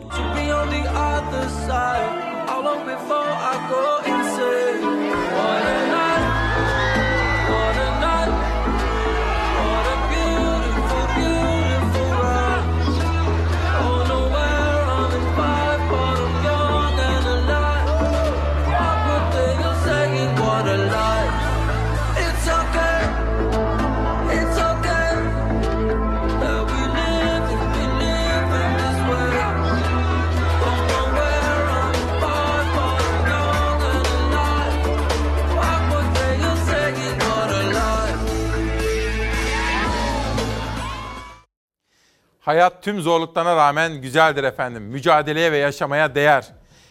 Değil mi ki bir kere geliyoruz bu dünyaya biricik hayatımızın hakkını vermemiz gerekiyor. Bugün de şu kitapları tanıtalım. Gülyan Kabaş, Büyüyünce değil şimdi anlatın diyor. Ve Mor Dağların Ötesi Mustafa Kaynak. Bugün haber masasında iki arkadaşım vardı. Bütün hafta boyunca böyle. Beyza Gözeyik ve Ezgi Gözeger. Hemen yanlarında bir de editörüm Zeray Kınacı.